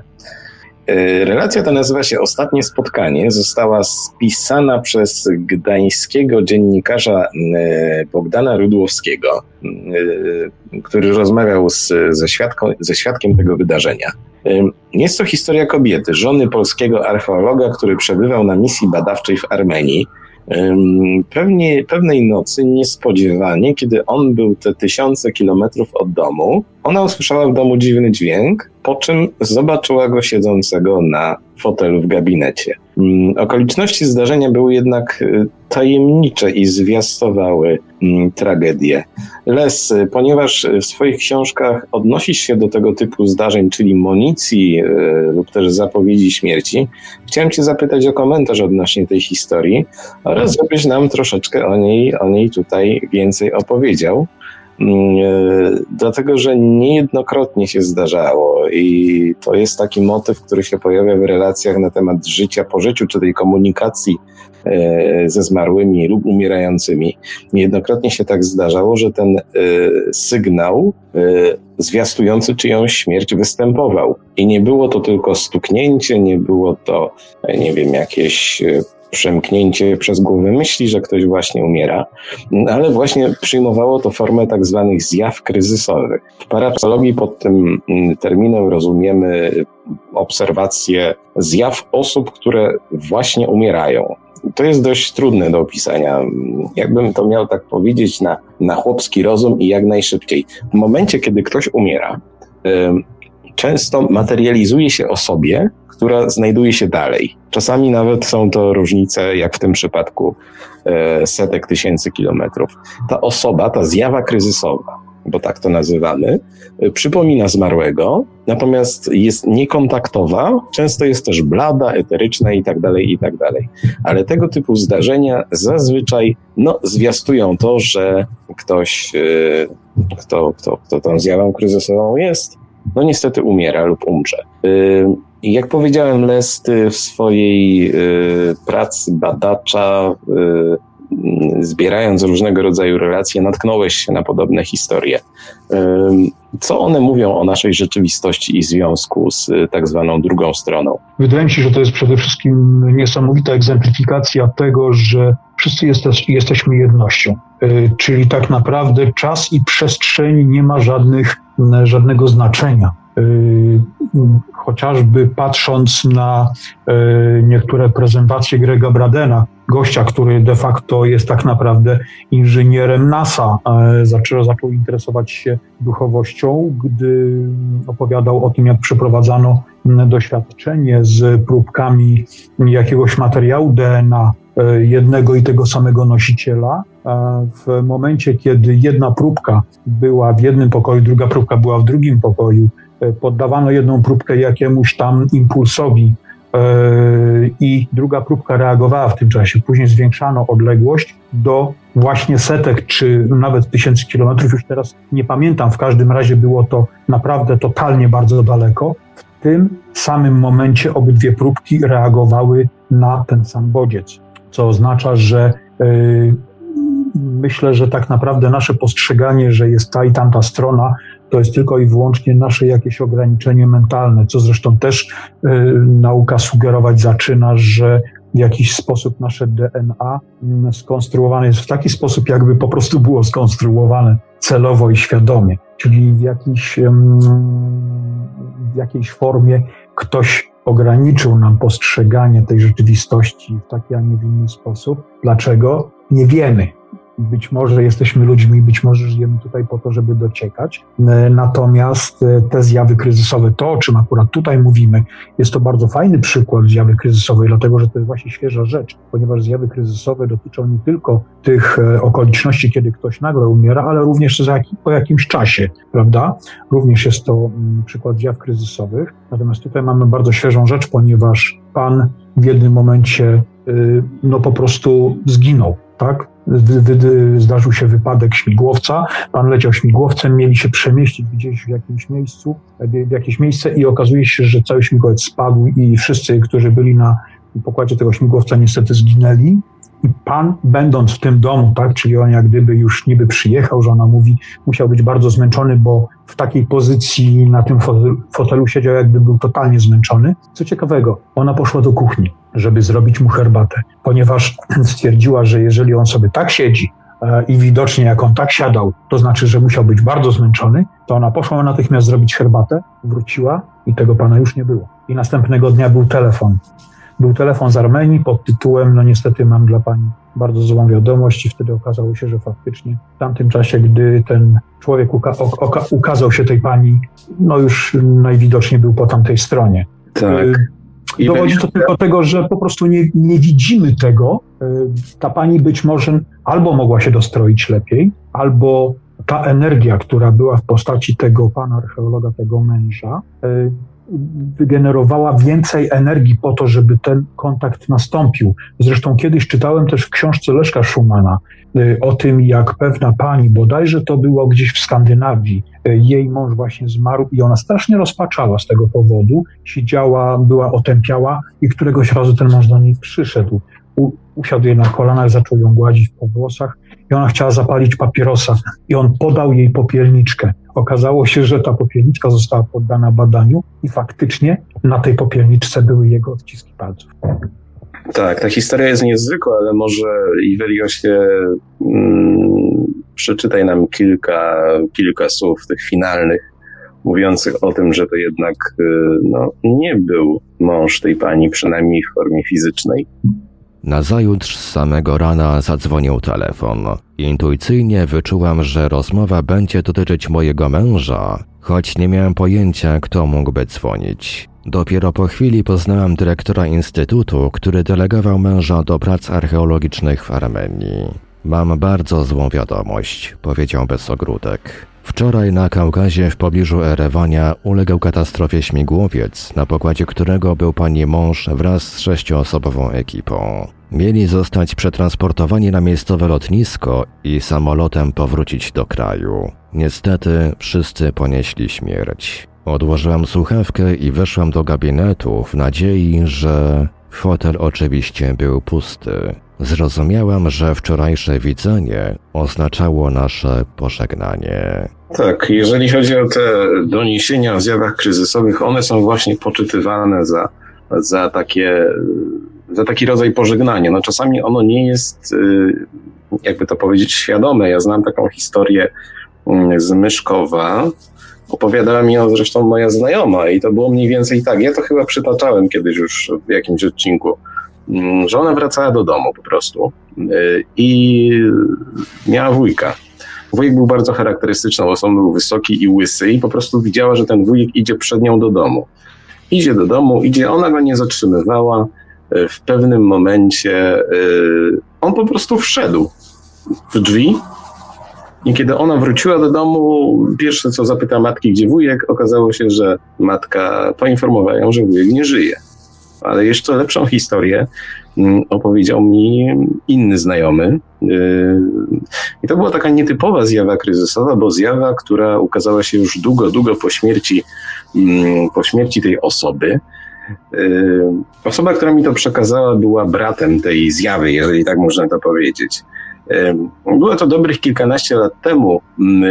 Pozwólcie, że tak powiem wam w dużym skrócie. Otóż pan Miron, bo on był tym denapem, od pewnego czasu no, nie odzywał się do swojej konkubiny, z którą nie mieszkał jednak razem, prowadzili oddzielne życie, no ale tamtego dnia dziwnym zbiegiem okoliczności pod blokiem, w którym mm, pan Miron mieszkał, zobaczył go syn owej konkubiny. Nie wiem w jakich to było okolicznościach, z tego co pamiętam, to po prostu naprawiał sobie malucha pod tym blokiem i nagle patrzy, idzie pan Miron. Tam było jeszcze kilka osób, ten Miron podszedł, e, tylko jakiś taki dziwny, blady, niekomunikatywny przede wszystkim. No, nie odpowiedział im na, na pytanie o to, czy chce papierosa, po prostu postał i zniknął. Mm, dopiero po jakimś czasie okazało się, że w zaawansowanym stadium rozkładu e, znaleziono jego ciało w, jego mieszkaniu. Chodzi mi oczywiście o pana Mirona, czyli w momencie, gdy zjawił się pod blokiem, po prostu od dawna już nie żył. Czy był to taki sygnał, nie wiem, paranormalny, żeby, żeby zajrzeć do tego mieszkania, żeby próbować go odnaleźć? Może.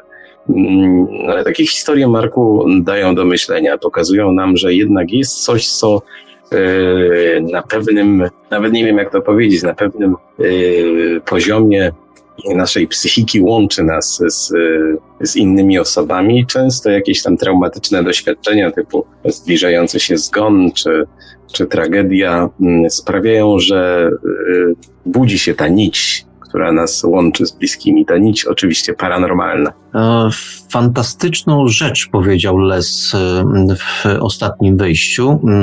Teraz nie będę, w tym, w tym e, momencie nie będę robił za sceptyka, a raczej za, za człowieka, który e, tak to postrzega, jak za chwilę przedstawię.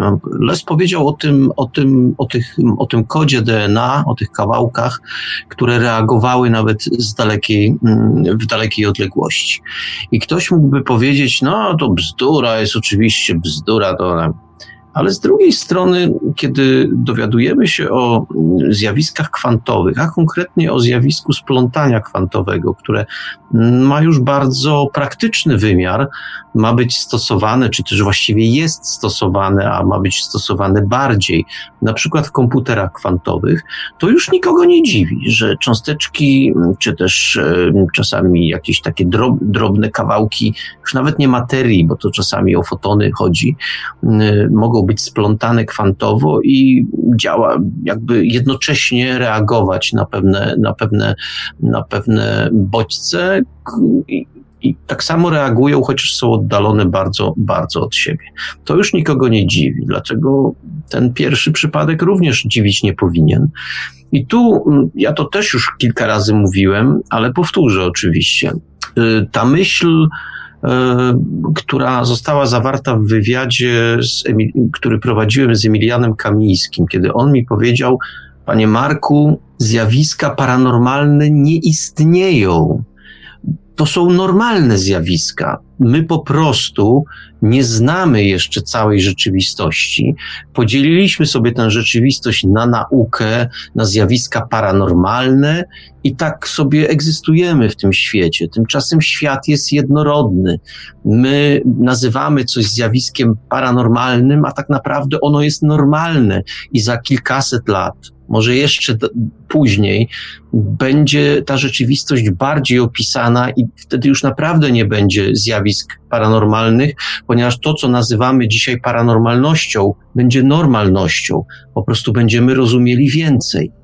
To ja myślę, że warto, warto mieć to z tyłu głowy, kiedy się opisuje rzeczywistość, kiedy tak ochoczo dzieli się świat na to, co taki świat, który jest możliwy i który jest niemożliwy, Mm, bo to jest ten moment, w którym warto przystanąć, zastanowić się nad tym, jak to właściwie jest, dlaczego tak właściwie jest.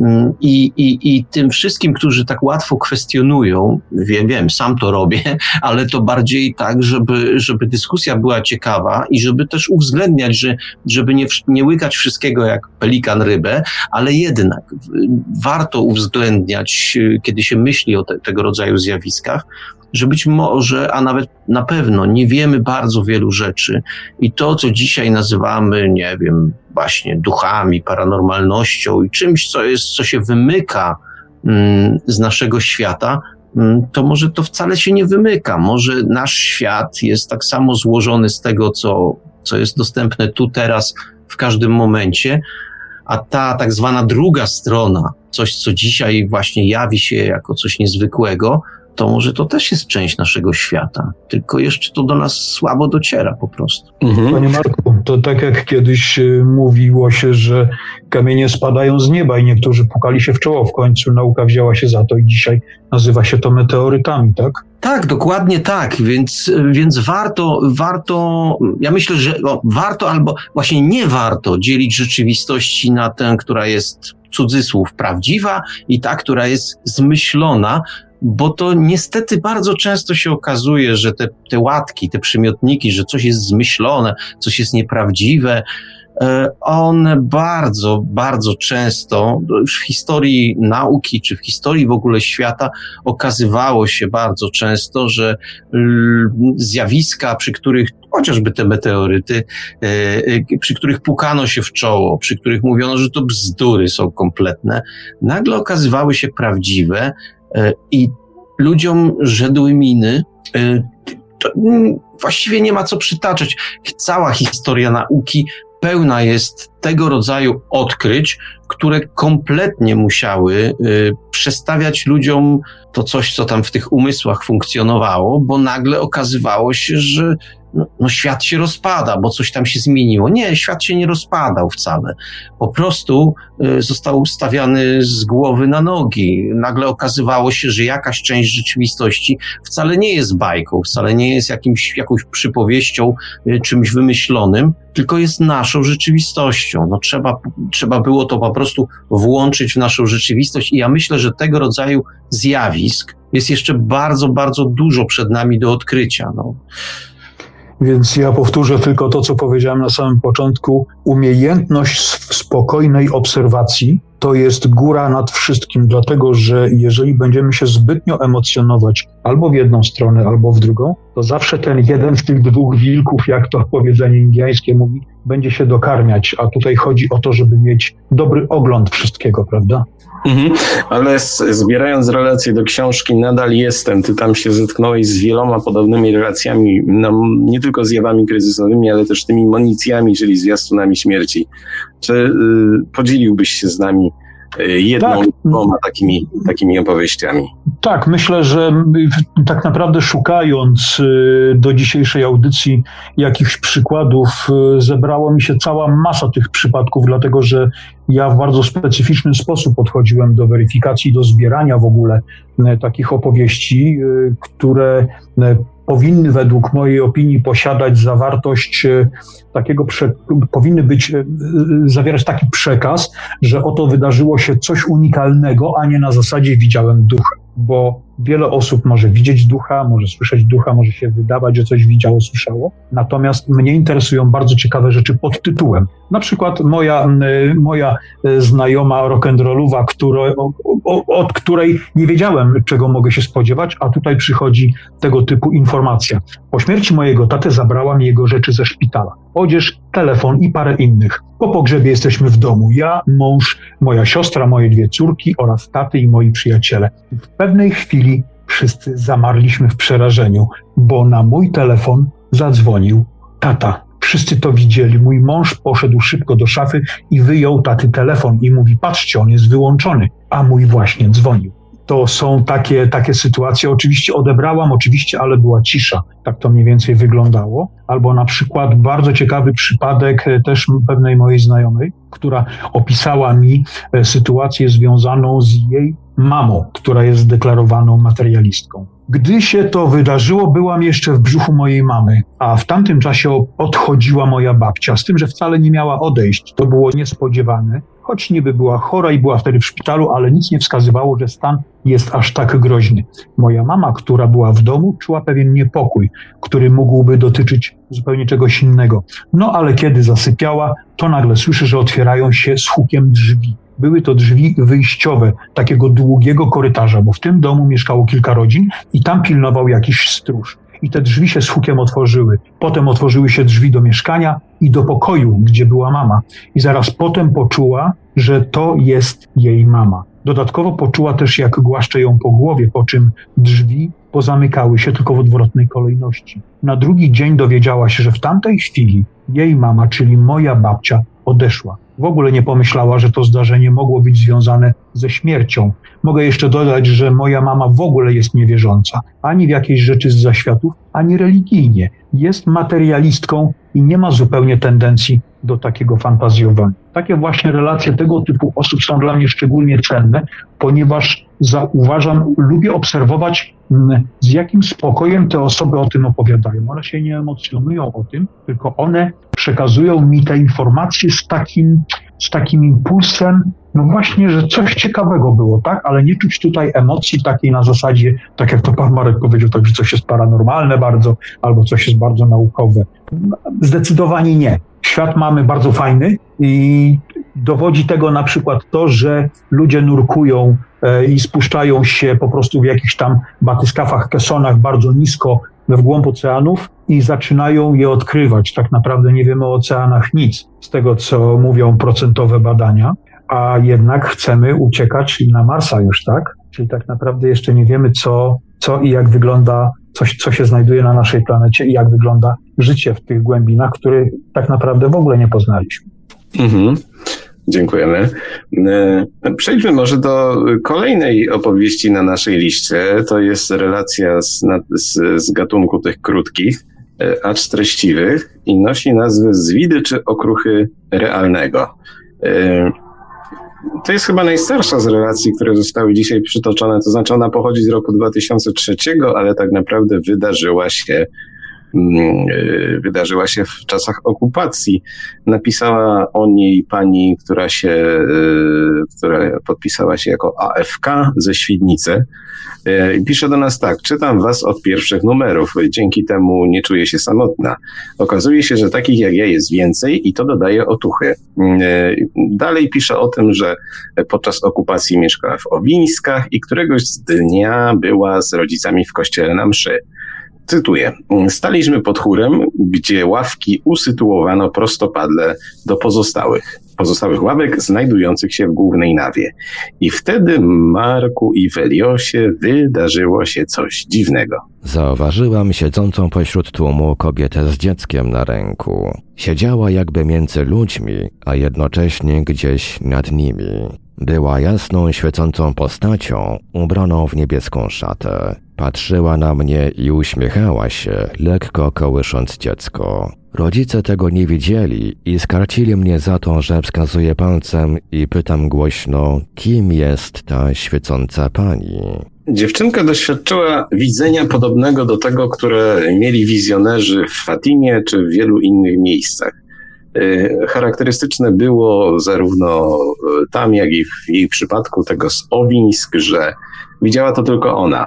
Co ciekawe, jako dorosła osoba była ateistką i traktowała to wszystko bardziej w duchu koncepcji y, Johna Killa czy Jacques'a Vallée albo José Antonio Caravaki. Otóż ta pani w dalszej części relacji mówi o tym, że ona wcale nie uważa, że widziała Matkę Boską, tylko widziała jakąś siłę, która zademonstrowała jej się w ten, a nie inny sposób, ponieważ właśnie na widok Matki Boskiej była otwarta. I to nie było jedyne dziwne wydarzenie w jej dzieciństwie, kiedy widziała postacie, mm, które powiedzmy dla innych osób były niewidoczne.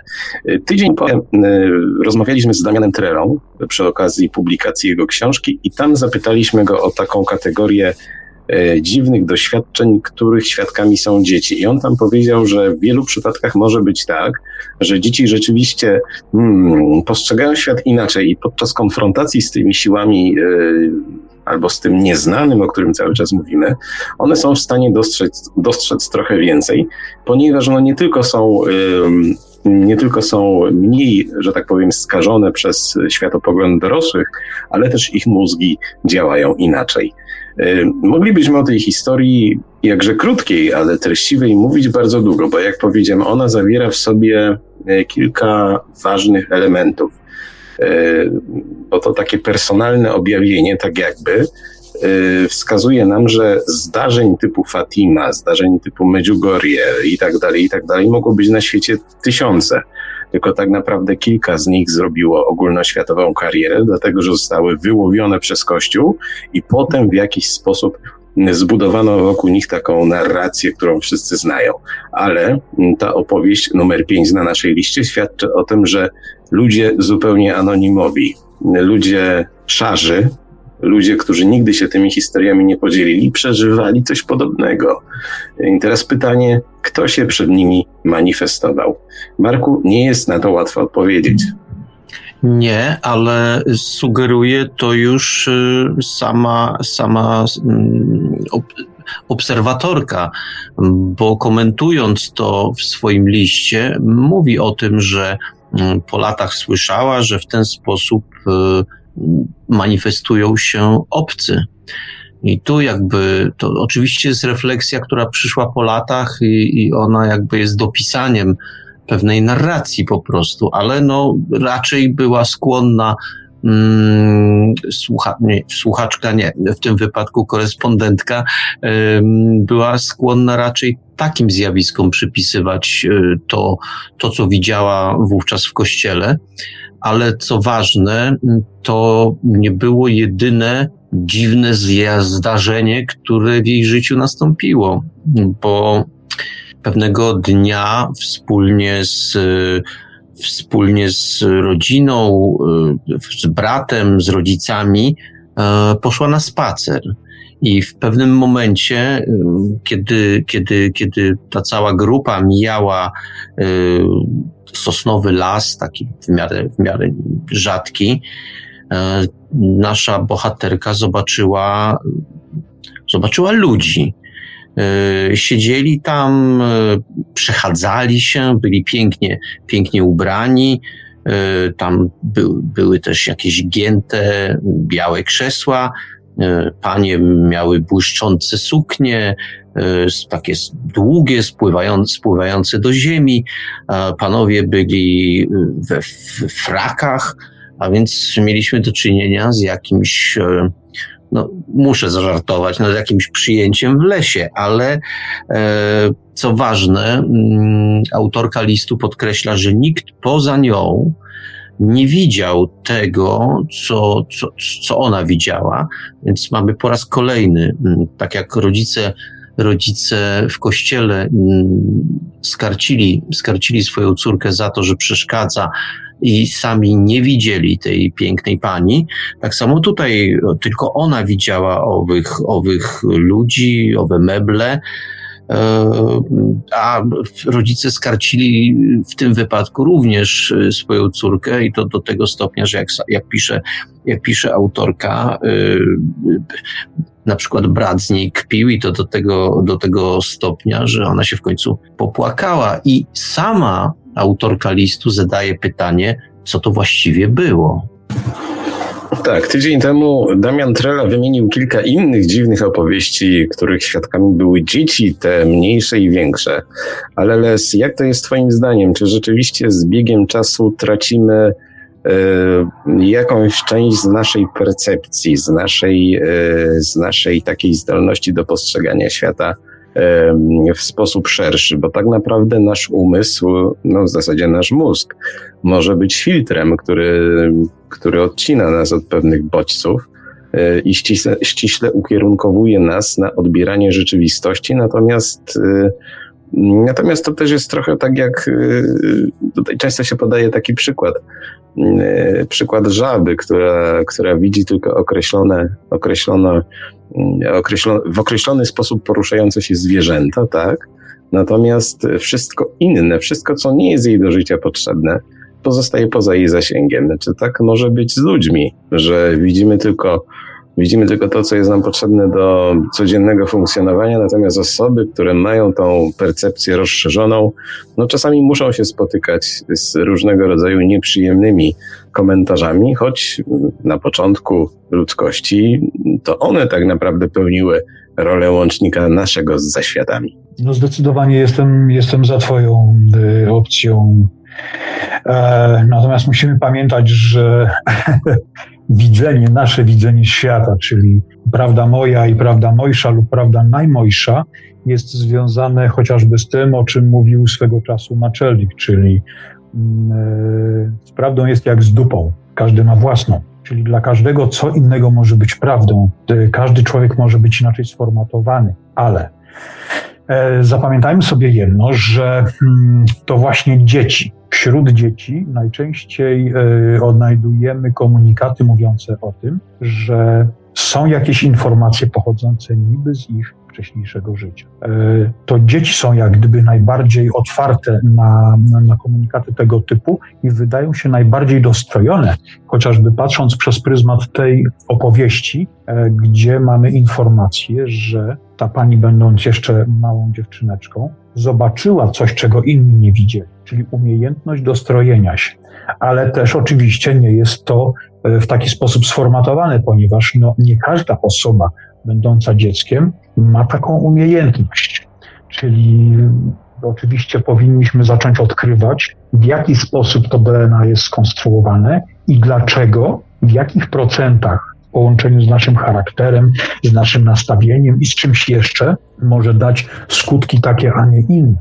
Yy, to jest rzecz pierwsza. Rzecz druga jest taka, jeżeli mówimy o mm, opisie danej sytuacji, jeżeli tutaj pani jako, jako mała dziewczynka użyła takich, a nie innych sformułowań, jeżeli mówimy na przykład w odniesieniu do Fatimy, gdzie e, dzieci potrafiły opowiedzieć to w taki, a nie inny sposób, czy one to powiedziały tak, a nie inaczej, czy natomiast zostało to spisane przez e, osoby duchowne i zaczęło funkcjonować w taki sposób, po czym wszyscy przyjęli tego typu narrację. E, nieważne. W tym momencie istotne jest też to, że osoba, która widzi jakąś okoliczność, jakąś sytuację, opisuje to względem tego, jak posiada sformatowany umysł, czyli jak otwarta jest na technologię, jaką ma zawartość yy, umysłu pod tytułem, czy E, umiem posługiwać się słowem, czy umiem fantazjować, czy mam duży zasób słów, czy jestem osobą odważną, tak, to wszystko potrafi sprawić, że nasza wypowiedź będzie dokładnie taka, a nie inna. Jeżeli dzieci e, w Fatimie opisują to w taki, a nie w inny sposób, pamiętajmy, że mówimy o, o dawnych obszarach czasowych e, i o miejscowości, która tak naprawdę była małą wioską wtedy. E, więc bardzo religijna kultura, bardzo specyficzne wychowanie sprawiło, że te opisy są takie, a nie inne, ale faktycznie mogło być inaczej, jak na przykład proponuje to Erich von Däniken chociażby, tak, e, który mówi, że dlaczego nie przyjąć, że był to komunikat właśnie od obcej inteligencji, którzy pojawili się tutaj po to, aby powiedzieć, aby coś przekazać ludziom. Czy ci ludzie odebrali ten przekaz w taki, a nie inny sposób, czy odczuli to, niezależnie od tego, co i w jaki sposób zostało powiedziane, czy odczuli to jako komunikat, no bardzo religijny, jako uniesienie. Bo również tak mogło być.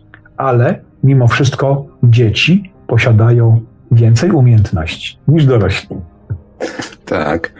E, drodzy panowie, zostały nam dwie relacje. Przejdźmy do szóstej, e, szóstej historii na naszym icebergu. E, ona nazywa się Dwie wizyty. Jak pisze pan Tadeusz T. z Chruścic, zdarzyło się to w początkach lipca 1973 roku około godziny 22. Pan Tadeusz mieszkał wówczas w budynku służbowym na terenie Śluzy Chruścice nad Odrą i po prostu położył się spać w pokoiku na poddaszu. W pewnym momencie e, zaniepokoił go, jak to bywa w takich strasznych historiach, odgłos ciężkich kroków gdzieś na strychu. E, ponieważ wszystkie drzwi były zamknięte i nikt się nie mógł do środka dostać, no przeraził się tą sytuacją i z lekkim niepokojem wyczekiwał tego, co nadejdzie. Marku i Weliosie, coś się wydarzyło. Z przerażeniem usłyszałem, że niewidzialna postać zbliża się w kierunku mojego łóżka, gdzie leżę bezsilny jak kłoda, niezdolny do żadnej reakcji. Ta odległość wynosiła około czterech metrów, a każdy krok i sapiący oddech przybliżał do mnie niewidzialnego gościa. W końcu pochylił się nade mną tak, że czułem jego oddech, który skojarzyłem z dyszeniem zziajanego psa. Pan Tadeusz zerwał się z łóżka, chwycił ponoć e, jakąś broń, która tam była zawieszona, e, zawieszona nad jego łóżkiem. Były to bagnety z czasów wojny. Oczywiście e, sprawdził, czy zamki są e, nienaruszone. Wszystko było ok. Intruz zniknął i można by było uznać, że był to atak nocnej zmory. No, powiemy, e, zwyczajny tam bezdech senny albo hipnagogia, która doprowadziła do jakiejś tam niezwykłej sytuacji. Wszystko byłoby dobrze, gdyby nie fakt, że kilkanaście lat później, w roku 1988, w tej samej miejscowości, gdzie pan Tadeusz postawił sobie dom, w którym mieszkał od roku, sytuacja się powtórzyła. Kilkanaście lat później ten sapiący, powolny intrus nocny powrócił. W jaki sposób do tego doszło, Iweliosie? Najpierw rozległ się odgłos ciężkiego sapania, jakby zziajanego zwierzęcia, ale tym razem nie było słychać żadnych kroków. I znów nie mogłem się ruszyć. Zero reakcji. Możemy powiedzieć, że w tym przypadku y, uruchamia się w nas pewien sceptyk. Otóż y, dwa zdarzenia w przeciągu kilkunastu lat y, nakazują nam zastanowić się nad tym, czy w międzyczasie rzeczywiście nic tak, takiego się nie wydarzyło. I ja tutaj chciałbym tylko dodać, że tego typu historie troszeczkę nam wnoszą y, świeżego powietrza w opowieści o tak zwanych zmorach czy wszelkiego rodzaju y, sennych intruzach. Mm, dlatego, że y, przyjęło się mówić dzisiaj, dzisiaj się już nie robi z tego takiej tajemnicy, że wszystkie tego rodzaju doświadczenia są wynikiem paraliżu sennego, jak powiedziałem, hipnagogii albo hipnopompii, kiedy nasz mózg jest po prostu w jakiś sposób znaczy ma ograniczoną e, poczytalność e, przed zasypianiem, tak nie docierają do niego wszystkie bodźce, pojawiają się różnego rodzaju halucynacje. Tak itd. Tak e, wielu ludzi rzeczywiście twierdząc, że ma jakieś dziwne doświadczenia, w rzeczywistości pada ofiarą wspomnianych przeze mnie w pełni wytłumaczalnych zjawisk. Natomiast les, nie wszyscy nocni goście um, są wytworami naszego umysłu. Czasami się zdarza, że rzeczywiście no, ocieramy się o jakąś większą tajemnicę. Czy ty, badając y, przypadki opisane w swoich książkach, natknąłeś się na takie historie, które jednoznacznie pokazują, że te, te, ci ludzie cienia, y, czy ci nocni intruzi, bedroom visitors i tak dalej, i tak dalej, mogą być kimś więcej niż tylko wytworem usypiającego rozumu. Powiem Ci tak, umiejętność zbierania informacji yy, od ludzi, szczególnie od tych, których się lubi, zna i szanuje, yy, to jest rzecz niesamowita, ponieważ wraz z tym, że trafia do Ciebie pewien zasób słów, Ty wsłuchujesz się, w jaki sposób osoba, którą znasz z pewnych rozmów, fajnych, przyjemnych o muzyce, o sztuce, o różnych ciekawych rzeczach, nagle opowiada ci historię, której nie spodziewałbyś się usłyszeć od tej osoby.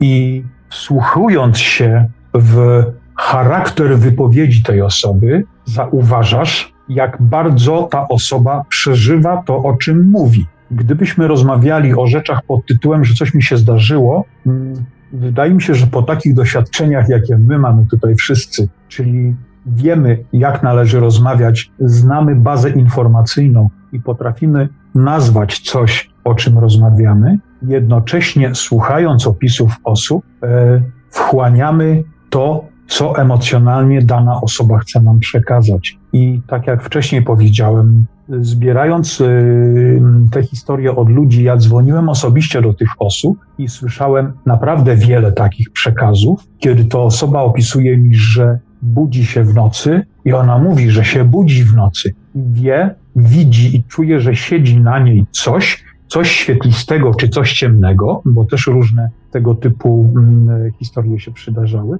Dana osoba nie może się poruszyć i to jest po prostu bardzo fizyczne. E, ja wiem, jak to bywa, kiedy, jest, kiedy człowiek jest przebudzony w środku nocy. Kiedy nagle coś cię wybudza, tak? Patrzysz na zegarek, jest tam godzina, nie wiem, pierwsza, czwarta, którakolwiek, to w zależności od tego, o której godzinie człowiek się położy spać. Natomiast wiadomo, jak wygląda przebudzenie ale też wiadomo, jak wygląda tak zwany rzeczywisty sen. Jeżeli chodzi o doświadczenia związane z tak zwaną zmorą nocną, ja w książce nadal jestem, opisałem te wszystkie szczegóły technologiczne, że tak to nazwę, e, kiedy i, kiedy i w jaki sposób taka zmora nocna według instrukcji naukowych występuje. No niestety, e, niestety muszę tutaj, że tak powiem, deklasyfikując informacje, którymi nauka się posiłkuje, e, powiedzieć, że pewne okoliczności, które były mi przekazane przez ludzi, wymykają się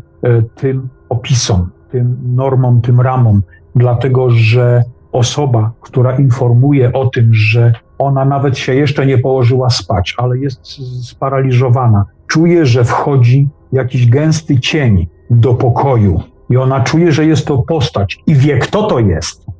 Więc rozumiesz, to nie mówimy o tym, że coś mi się przyśniło i byłem sparaliżowany. Czasem bywa tak, że jesteśmy sparaliżowani na zasadzie takiej, że śpimy w niewłaściwej pozycji, tak, bo podwinęliśmy sobie gdzieś nogę czy rękę i po prostu straciliśmy panowanie nad tą ręką, czy, czy budzimy się i zaraz znowu zasypiamy. To jest tak samo jak z opisywaniem e, widzenia rzeczy paranormalnych, które też e, zawarte jest w lekcji paranormalności. E, dotyczy to tego, że profesor Olaf Blanke, do którego artykułu się odnosiłem, opisuje, że te wszystkie rzeczy to są zwidy, które widzą ludzie albo chorujący jakoś na epilepsję, czy na jakieś tam psychiczne historie typu schizofrenię, albo ci, którzy, że tak powiem, ćpają, albo ci, którzy są napici i tak dalej. Rozumiesz? Czyli tak naprawdę wszyscy są napici, wszyscy są chorzy psychicznie, ponieważ widzą takie rzeczy. No nie, sorry, ale nie. To, to jest po prostu stek bzdur dla mnie.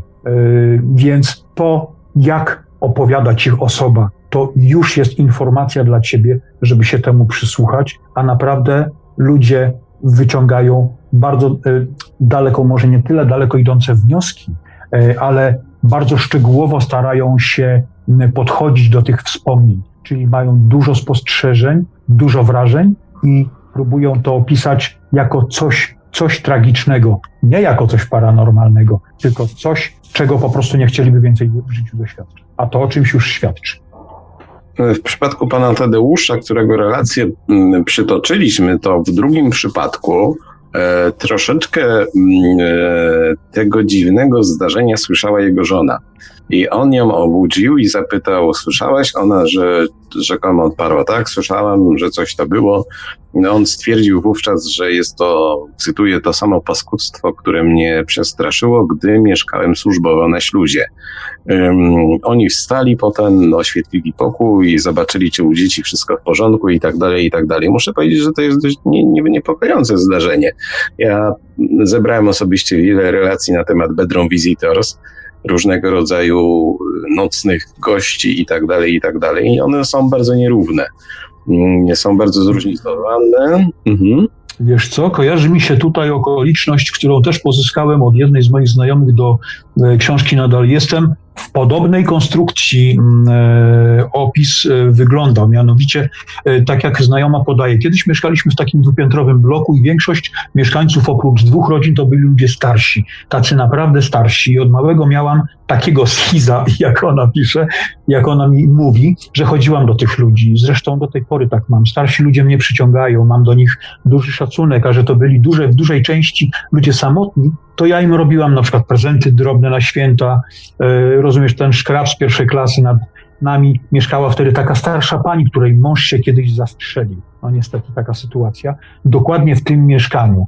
Ona była po wylewie i była najmniej sympatyczna z całego tego wiekowego towarzystwa. Ale ja do niej też przychodziłam. Ona miała taki stary bujak, który stał w dużym pokoju i sobie na nim siadała. Coś tam szyła, coś dziergała. Miała taką szkatułkę drewnianą z otwieranymi na boki szufladkami, gdzie tu guziczki, tam szpilki i takie drobiazgi. I mi to pokazywała. Ze względu na to, że ona była po tym wylewie, to jej często rzeczy z ręki leciały. A bujak stał na parkietowej starej podłodze bez żadnego dywanika. Czyli jak jej się te guziczki rozsypywały, to było słychać i sam klekot bujaka o stary parkiet i do tego chrzęst tych guziczków pod bujakiem. W końcu pani sąsiadka zmarła i mieszkanie zostało puste na bardzo długo. Ja akurat zamieszkiwałam duży pokój, bo był tam telewizor, więc nie było innej opcji. Ale tuż po tym, jak mieszkanie opustoszało, nagle zaczęłam słyszeć bujak na parkiecie i chrzęst guziczków. i to było wiele razy. Zaczęłam w pewnym momencie wątpić w to, co słyszę, no bo, no bo może dziecko to sobie coś nadmiernie wyobraża, wyolbrzymia, albo zapamiętałam i mi się tylko wydaje, do czasu. Pewnego razu, jak wróciłam skądś tam, to mama mi mówi: Słuchaj, nie uwierzysz, ale u naszej sąsiadki słychać te koraliki i bujak. I ona też tego doświadczała ileś razy. E, więc e, takie sytuacje, gdy ktoś doświadcza coś takiego, ja zawsze ludziom życzę, przeżyj to, dopiero wtedy roz, porozmawiamy. Właśnie fajnie, że, że ludzie są świadkami i że ludzie nie oceniają. E, w takich sytuacjach zwróćmy uwagę, że ci, którzy przeżywają takie sytuacje, niejednokrotnie myślą, że oni zwariowali, że coś jest z nimi nie tak. I w tym momencie, kiedy dowiadują się, że są też inni ludzie, jest oddech ulgi. I to jest bardzo, bardzo ważne lekarstwo czyli świadek, który był obok, albo ktoś, kto dotknął podobnej sytuacji. Mhm. Marku?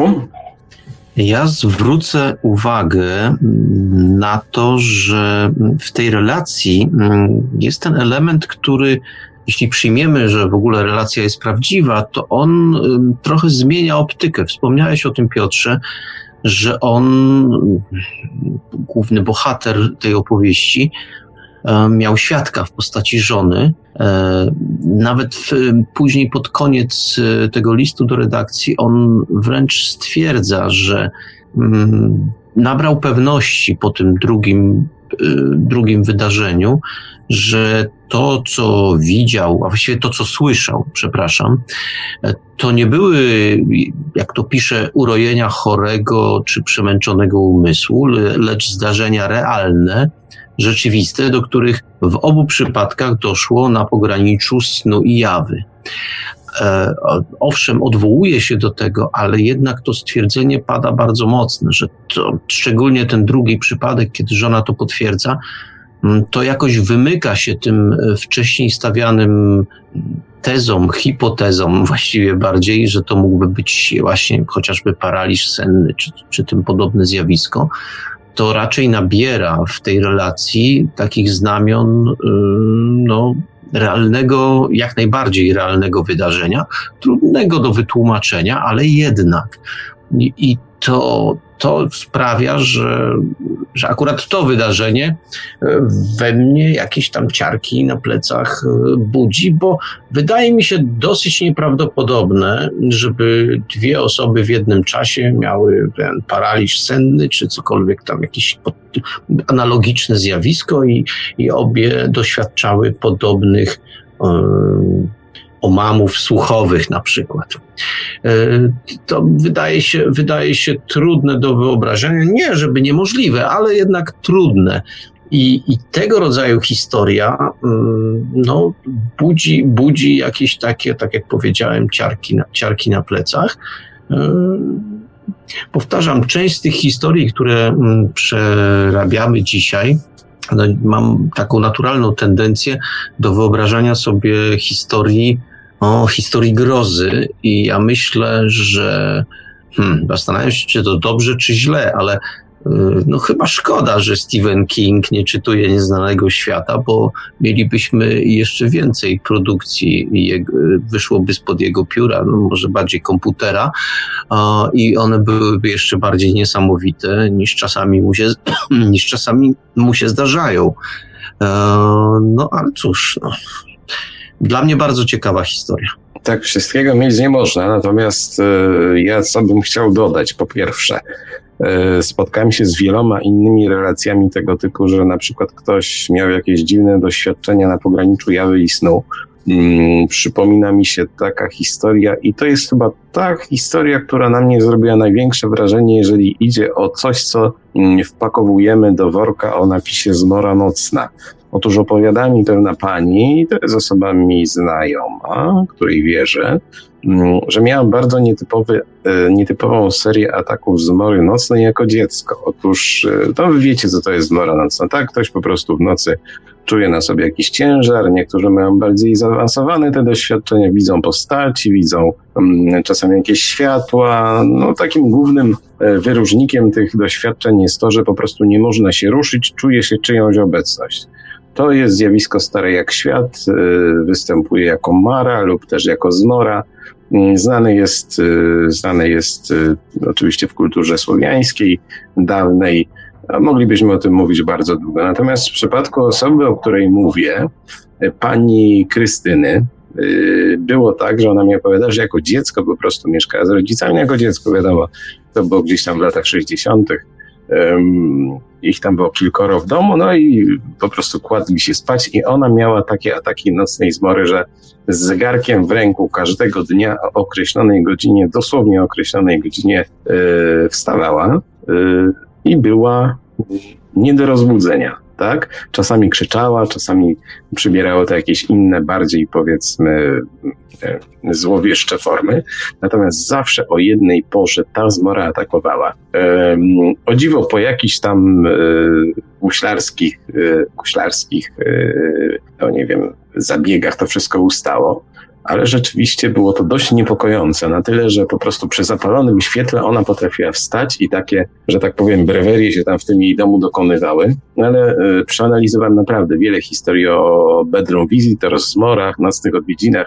Jestem pewien, że prawda leży gdzieś po środku. Nie wszystkie z tych historii y, uznaję za takie, które są godne uwagi z perspektywy badań paranormalnych. Niektóre są bardziej przedmiotem za, zainteresowania psychologii, na przykład dlatego, że sam kilkakrotnie miałem e, taki hipnagogi, wiem czym to się kończy, wiem, że niektórzy ludzie mogą to po prostu mm, sobie w jakiś sposób źle zinterpretować, ale są takie opowieści, które idą o krok dalej i tak było w przypadku pana Tadeusza e, z Chruścic. Ja się tak zastanawiam, Les, czy to, o czym on mówił, Mm, było w 100% y, atakiem jakiejś tam nocnej zmory, czy może mieliśmy do czynienia raczej z nawiedzeniem, e, z nawiedzeniem rezydualnym, to znaczy takim, że mm, on posiadał jakiś odmiot, przecież on wspominał o tych bagnetach z czasów wojny, które miał nad, nad łóżkiem, mm, do których jakaś osoba była przywiązana. I to mógł być klucz, to mógł być, y, to mogło być sedno tej historii, że on y, posiadał coś, swojej kolekcji na przykład, mm, co mogło wiązać się z czyjąś historią i po prostu jakiś tam duch został do tego przywiązany, bo takie historie też znam. Bardzo możliwe, że było to związane z tymi bagnetami, bo chodziło akurat o dwa bagnety, o ile dobrze y, pamiętam. Mm, natomiast y, czy te bagnety one poszły za tym panem z pierwszego domu do drugiego? No tego akurat nie mam pewności, bo mm, bagnety chyba brały udział w pierwszej części mm, tej historii. W drugiej części to już było to, jak on leżał z żoną i tam był temat tej firanki, która się poruszała i ta, tej obecności takiej bardzo ciążącej.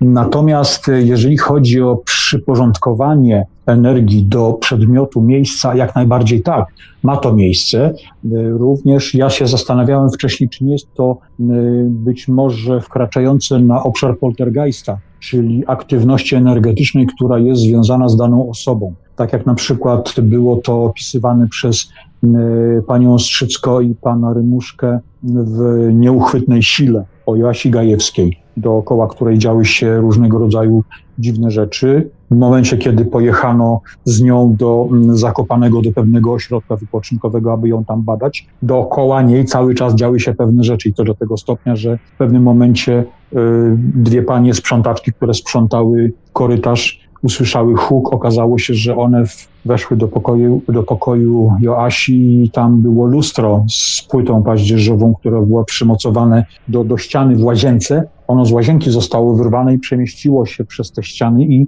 rozwaliło się, roztrzaskało w pokoju Joasi. To samo było związane z e, pacjentem, który był w szpitalu czerniakowskim. Wyglądało na to, że on walcząc e, na granicy życia, generował tego typu energie, które e, skutkowały różnego rodzaju aktywnością, tak? Przylatywały tam przedmioty, czasem sztuczce między oddziałami wręcz szpitala, nie tylko między ścianą czy coś w tym stylu, e, ale jak później tego pacjenta przeniesiono do innego szpitala, o ile pamiętam, te aktywności ustały. Więc być może takie rzeczy są związane z daną osobą. Najprawdopodobniej mi się wydaje, że tak może być. Czyli ktoś w nieświadomości swojej generuje jakiś potencjał energetyczny w taki to, a w taki sposób. On jest, on nie robi tego celowo, to się po prostu dzieje. Więc e, tak samo przyporządkowanie do broni, czy do przedmiotów jakichkolwiek, czy do domu. Przecież nieraz słyszy się opowieści, że w danym domu straszy, ponieważ później okazuje się, że osoba, która przychodzi pomóc w tym temacie, dowiaduje się, że tutaj jest duch pani, która mieszkała tu bardzo długo i ona tak się związała z tym domem, że nie, nie rozumie i po prostu nie chce tu innych gości i ona uprzykrza im życie. To też tak może być, więc ewentualności jest tutaj cała masa. Tak, ja znam historię takiego kolekcjonera z y, Częstochowy, który znosił sobie do domu różnego rodzaju antyki.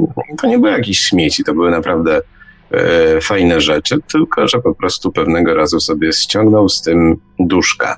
E, duszka, tak go nazywała jego, jego córka i on był taki, on może nie był za bardzo szkodliwy, natomiast no, dawał się we znaki, a to sobie pojawiał się jako cień na przykład, a to przysiadał obok kogoś na wersalce i tak dalej, i tak dalej. Także trzeba uważać z tymi z tym kolekcjonerstwem, ale panowie, yy, albo inaczej, drodzy Państwo, jeżeli ktoś chce podzielić się z nami na antenie swoją historią, to ma na to jeszcze kilka minut. I Weliosie przypomni może te podstawowe kontakty do radia. E, dzisiaj e, komentarze zbieramy od Państwa drogą SMS-ową 530 620 493 530 620 493 Jesteśmy także na czatach Radia Paranormalium na www.paranormalium.pl oraz na czatach towarzyszących naszym transmisjom na YouTube. E, można także wysyłać do nas wiadomości na naszych kanałach na Sygnalu, i na Telegramie, bądź też na Skype radio.paranormalium.pl.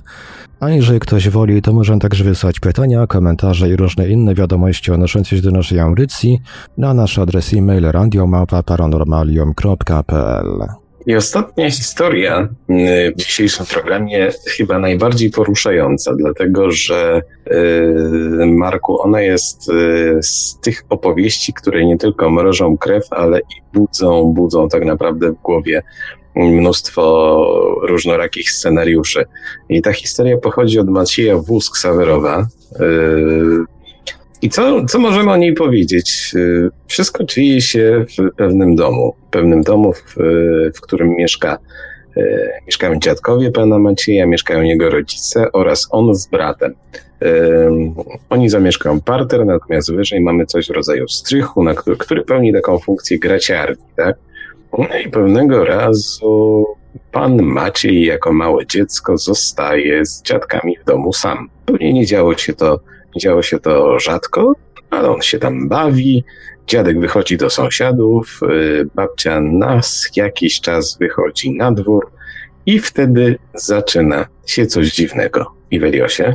Zostałem zatem z dziadkami i bawiłem się. W pewnym momencie dziadek wyszedł do sąsiadów, a wkrótce potem babcia udała się na podwórko. Od tej pory wszystko potoczyło się szybko. Przypominam sobie jedynie drzwi prowadzące na strych. Schodów, wchodzenia po nich i dotarcia na górę nie pamiętam. I tylko ta twarz. Teraz już nawet nie wiem jak wyglądała. Wiem tylko, że spotkałem wówczas kogoś albo coś, co miało zniekształcone oblicze. Mówiąc w dużym skrócie, kiedy pan Maciej został na chwilę sam w domu, pojawiło się coś, co zabrało go na strych, na który sam nie mógł dotrzeć, troszeczkę go nastraszyło, a potem zniosło go z powrotem. I ta historia się tak bardzo odbiła na jego późniejszym życiu, że zapamiętał ją e, i to dość dokładnie. Potem się okazało, że nie był to jedyny dziwny incydent w tym domu. No a Marku, że to się wydarzyło naprawdę, świadczył znaleziony na tym strychu smoczek. Dziwna to sprawa. Dziwna i straszna jednocześnie.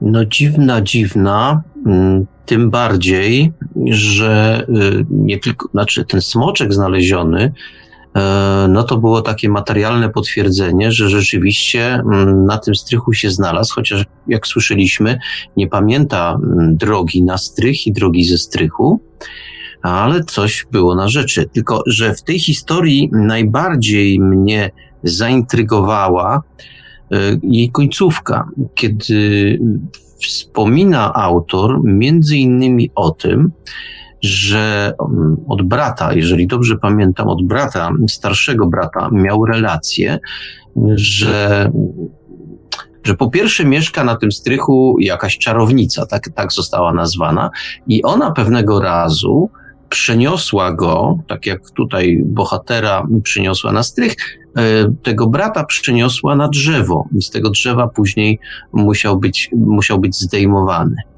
A zatem coś na tym strychu, cudzysłów, grasowało i coś robiło, niegroźne w sumie, psikusy, ale takie psikusy, które dzieciakom, e, no, jakby kazało, nakłaniało je, żeby trzymać się chociażby z daleka od tego strychu. I zastanawiam się, kiedy czytałem tę historię, zastanawiam się, czy to było specyficzne poczucie humoru tej, tej istoty, tej czarownicy, jak była, jak, jak była nazwana, czy też miało to jakiś, nie wiem, ukryty cel chociażby. Mm, w każdym razie to, to jest jedna z takich znowu kingowskich historii, no, bo proszę Państwa, to jest y, ta opowieść mogłaby być świetnym wstępem do pięknego, do, do, do, do, rozwinięcia, które mogłoby prowadzić w różne, no, takie kingowskie właśnie y, strony. Tu na szczęście y, to było życie, żadne kingowskie horrory się nie odbywały, ale sama opowieść niezwykle, niezwykle intrygująca po prostu. Tak, coś, co mieszka na strychu, strasznie, strasznie zamieszkujące w tym domu dzieci. Z jednej strony nie wiemy też do końca, dlaczego e, tylko dolna kondygnacja jest zamieszkała, czy tam na tej górze. No i tutaj uruchamia się we mnie e, fan horrorów długoletni, było wiele podobnych scenariuszy, które sugerowały, że ten strych rzeczywiście mógł zamieszkiwać ktoś, kto się nie pokazywał i raz na jakiś czas po prostu schodził, ewentualnie wchodził w kontakt z tymi dziećmi, natomiast one nie miały, może nie tyle nie miały prawa o nim wiedzieć, co po prostu istnienie tej osoby zostało przed nimi zatajone. Być może była to osoba chora, osoba z jakimiś ułomnościami, która przechowy, przechowywana była na strychu? Nie wiem, nie wiem. Mm, dla mnie jest to dziwna historia, bardzo jedna z najdziwniejszych, które dotarły do nieznanego świata. Tym bardziej, że jeżeli posłuchamy autora, to on sobie wspomina, że e, no, nie tylko brat e, przeżył coś dziwnego, e, ale on również w późniejszym czasie nie zbliżał się za bardzo do tego strychu, czując pewien dystans i przede wszystkim strach, ale też mm, przez lata ta zdeformowana twarz y, tej istoty śniła mu się, a on też wyczuwał w jej stronę jakieś dziwne przyciąganie. No, on sam nie ukrywa w tej swojej dość długiej relacji, że mm, y, nie jedna osoba zarzuci, iż na przykład y, będąc dzieckiem w jakiś sposób yy, wszedł jednak na ten strych, znalazł na przykład starą lalkę albo jakąś książkę albo coś, coś co go przeraziło i po prostu yy, zapamiętał to, yy, przeraził się i potem to pobrzmiewało w jego pamięci przez kilkadziesiąt lat, ale jednak les w tej historii jest coś magicznego, coś takiego, co, co jednak y, budzi ten dreszczyk emocji bardziej niż w przypadku y, innych wymienionych dzisiaj historii. Przede wszystkim pomyślmy sobie o tym, y, jak zachowałoby się dziecko, gdyby chciało dostać się na strych, a później widząc coś na tym strychu, coś w postaci lalki czy jakiejś strasznej książki, nagle chciałoby się z tego strychu wydostać. Jak wygląda strych i jak się można na strych dostać? Na strych dostaje się człowiek przede wszystkim po jakiejś drabince albo bardzo stromych schodach. E, więc wyobraźmy sobie chłopca dwuletniego, który ledwo co potrafi chodzić, e, który nie potrafi tak naprawdę otworzyć drzwi lub wybiegając, lub biegając, bawiąc się, nie zamyka tych drzwi. Jego interesuje bieganie, jego interesuje swoboda, a nie to, żeby zamknąć drzwi, które były elegancko otwarte, później elegancko je zamknąć. To jest rzecz pierwsza. Rzecz druga. Wchodzi dziecko na strych. Wyobraźmy sobie taką potencjalną sytuację. Wchodzi sobie dziecko na strych, widzi straszną lalkę i co? Czy z tego strychu ładnie schodzi? Nie. Ono chce czmychnąć jak najszybciej stamtąd, stamtąd, czyli najprawdopodobniej odbyłoby się to na zasadzie czyli ten dzieciak by spadł y, i on by pamiętał to wszystko. Więc to, że on się dostał tam, y, to znaczy on wie, że się w jakiś sposób tam dostał i w jakiś sposób się znalazł z powrotem y, w domu, dodając do tego dziwną twarz, która go jakby prześladowała, do tego temat pod tytułem Jego brat, który opowiada o tak zwanej czarownicy, która niby go zabrała na to drzewo. Słuchajcie, to wszystko wskazuje, to wszystko są przesłanki po to mm, e, kierujące nas do kontekstu uprowadzeń, nie inaczej. E, opisy związane z czarownicą, z dziwną twarzą, to są tylko opisy używające pewnych określonych słów małego dziecka, które wtedy zaczęło to opisywać, coś, co się wydarzyło, i takimi słowami to dziecko zapamiętało, i później te słowa zostały ugruntowione w umyśle osoby, i cały czas ta osoba opisuje tymi samymi słowami, ponieważ dla tego dziecka było to naturalne opisanie czegoś, czego nie rozumiało, w postaci czarownicy, w postaci dziwnej sytuacji, i ono ten wizerunek słowny i emocjonalny ukorzeniło w sobie w umyśle. Ale jak pamiętam książki, chociażby Wspólnota słynna, e, która opisuje, ojejku, nazwisko pisarza wypadło mi z głowy jak mogło. A w każdym razie pisarz, piszący książki, e, okazuje się, że on sam jest poddawany takiemu czemuś, co się nazywa wzięcia. E, mówimy o wzięciach e, w kontekście chociażby tego, co mówił brat, że znalazł się na tym drzewie, z którego go zdjęto.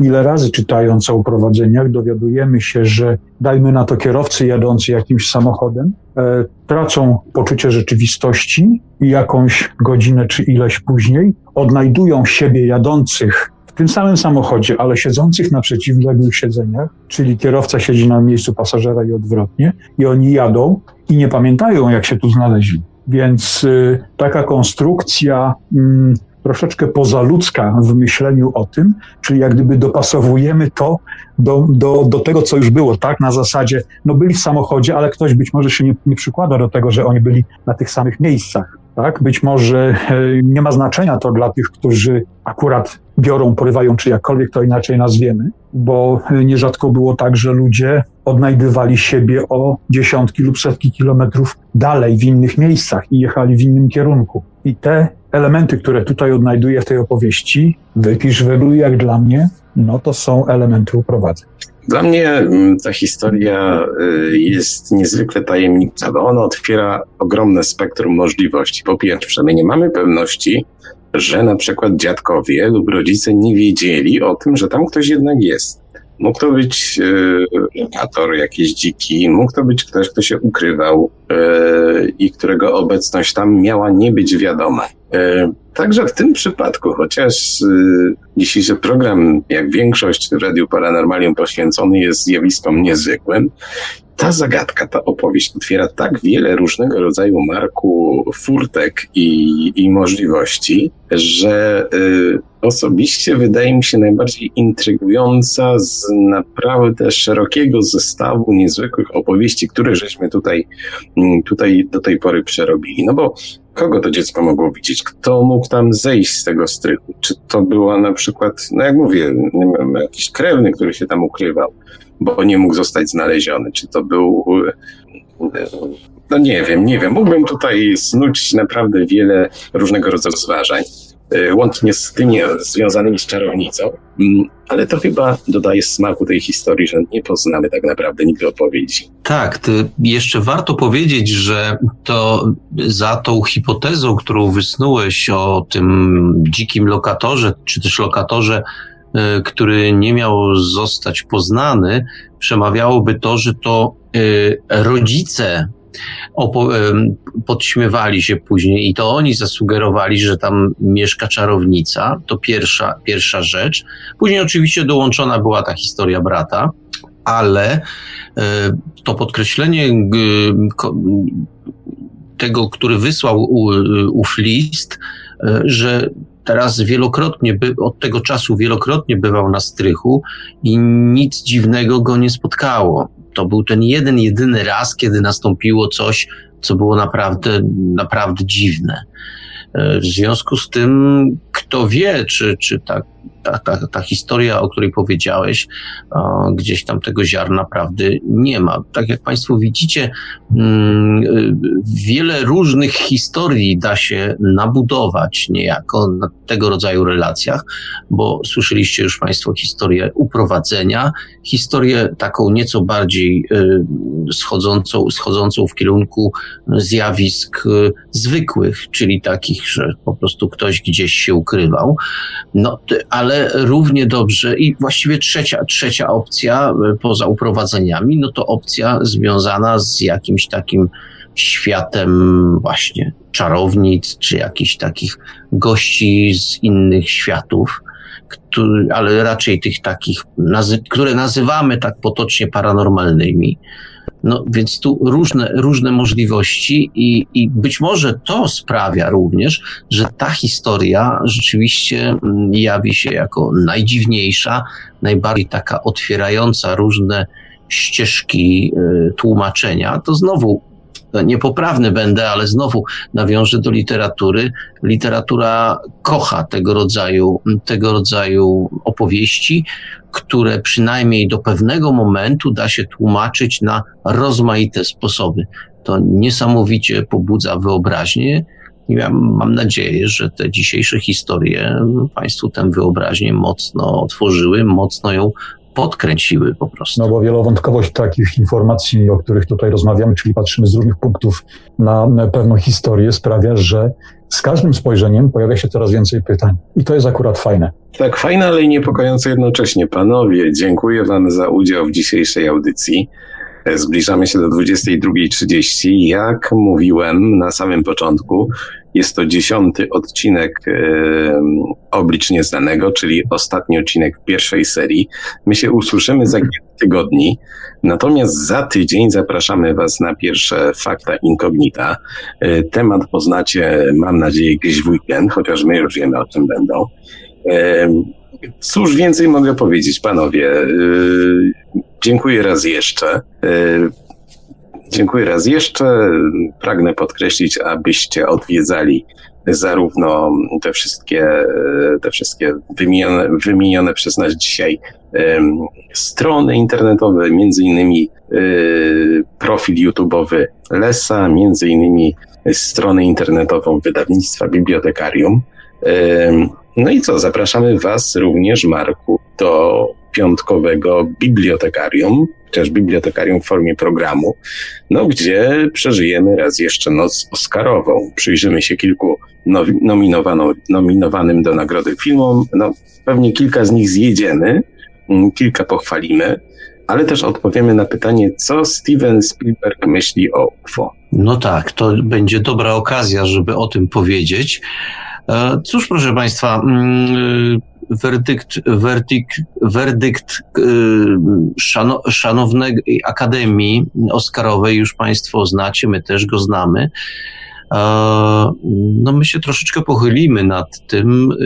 No, tak jak Piotr powiedział, y, będziemy krytykować, ale wierzcie mi Państwo, to nie jest tak, że te krytyki, które my podejmujemy, to, to na przykład ja podejmuję tę krytykę dlatego, że jestem wredny i złośliwy. Ja często podkreślam, że nie jestem znawcą filmu, raczej jestem jego konsumentem, jakkolwiek dziwnie to brzmi. Natomiast mam pewne oczekiwania wobec filmów i ale też mam pewne obserwacje, y, którymi się podzielę na temat tego, czym zachwyca się tak zwany mainstream, bo okazuje się, że y, no cóż, mamy do czynienia chyba z taką sytuacją, że już dzisiaj wspomniano zresztą, że czasami niektórzy ludzie odkrywają coś po raz setny, mm, no nie może nie w swoim życiu, ale odkrywają po raz kolejny coś, co dawno już zostało odkryte. E, I to jest zjawisko moim zdaniem we współczesnej kulturze zbyt częste, żeby przejść nad nim tak do porządku dziennego. Mm, myślę, że i nad tym się, nad tym się po prostu pochylimy z Piotrem. Ale to dopiero w piątek. Tak, dopiero w piątek. Ja tutaj cały czas przeglądam od Was komentarze. Mam nadzieję, że przynajmniej część z tych historii niezwykłych mm, trafią do Radia Paranormalium albo do nieznanego świata. Eee, pozostaje mi les jeszcze życzyć Ci, życzyć ci pomyślnych trów pracy nad, nad płytą i, i, i książką. Mam nadzieję, że spotkamy się w Radiu Paranormalium i w Bibliotekarium. E, kiedy książka się ukaże, e, wtedy, wtedy będziemy mogli więcej porozmawiać na temat lekcji paranormalności. Więc z wielką przyjemnością. Mhm. Y, Także, także panowie jeszcze raz dziękuję i do usłyszenia za tydzień. Do usłyszenia. Pozdrawiam. A mówili to sobie do Państwa przed chwilą prowadzący rozmowy w Radiu Paranormalium Piotr Cielebiaś z Niestanego Świata. Byli z nami także Marek Żelkowski, autor audycji Bibliotekarium 2.0, pisarz science fiction, publicysta również związany z Niestanym Światem i takoż z tym czasopismem związany Les Choduń, badacz zjawisk paranormalnych, artysta, muzyk. Mówił do Państwa i obsługiwał audycję od strony technicznej Marek Sękiewelios, Radio Paranormalium, Paranormalny Głos w Twoim domu. Dziękujemy za uwagę, dobranoc i do usłyszenia ponownie w kolejnych naszych audycjach. Na pewno usłyszymy się Fakta Incognita już za tydzień. Produkcja i realizacja Radio Paranormalium www.paranormalium.pl Bardziej niż nieprawdopodobne, niemożliwe, niewiarygodne. Radio Paranormalium. Paranormalny głos w Twoim domu. UFO Relacje. Polska baza relacji o obserwacjach UFO. www.uforelacje.pl Podziel się już dziś swoją obserwacją. Czekamy na relacje współczesne oraz z lat ubiegłych. Wszystkim świadkom zapewniamy pełną anonimowość. UFO Relacje. Polska baza relacji o obserwacjach UFO. www.uforelacje.pl Pisz artykuły, rozmawiaj z czytelnikami, moderuj komentarze i poczuj się jak redaktor. Załóż bloga na Paranormalium. Więcej dowiesz się w dziale blogi na www.paranormalium.pl. Rozmawiaj z prezenterami oraz z innymi słuchaczami na żywo. Wejdź na naszego czata na www.paranormalium.pl.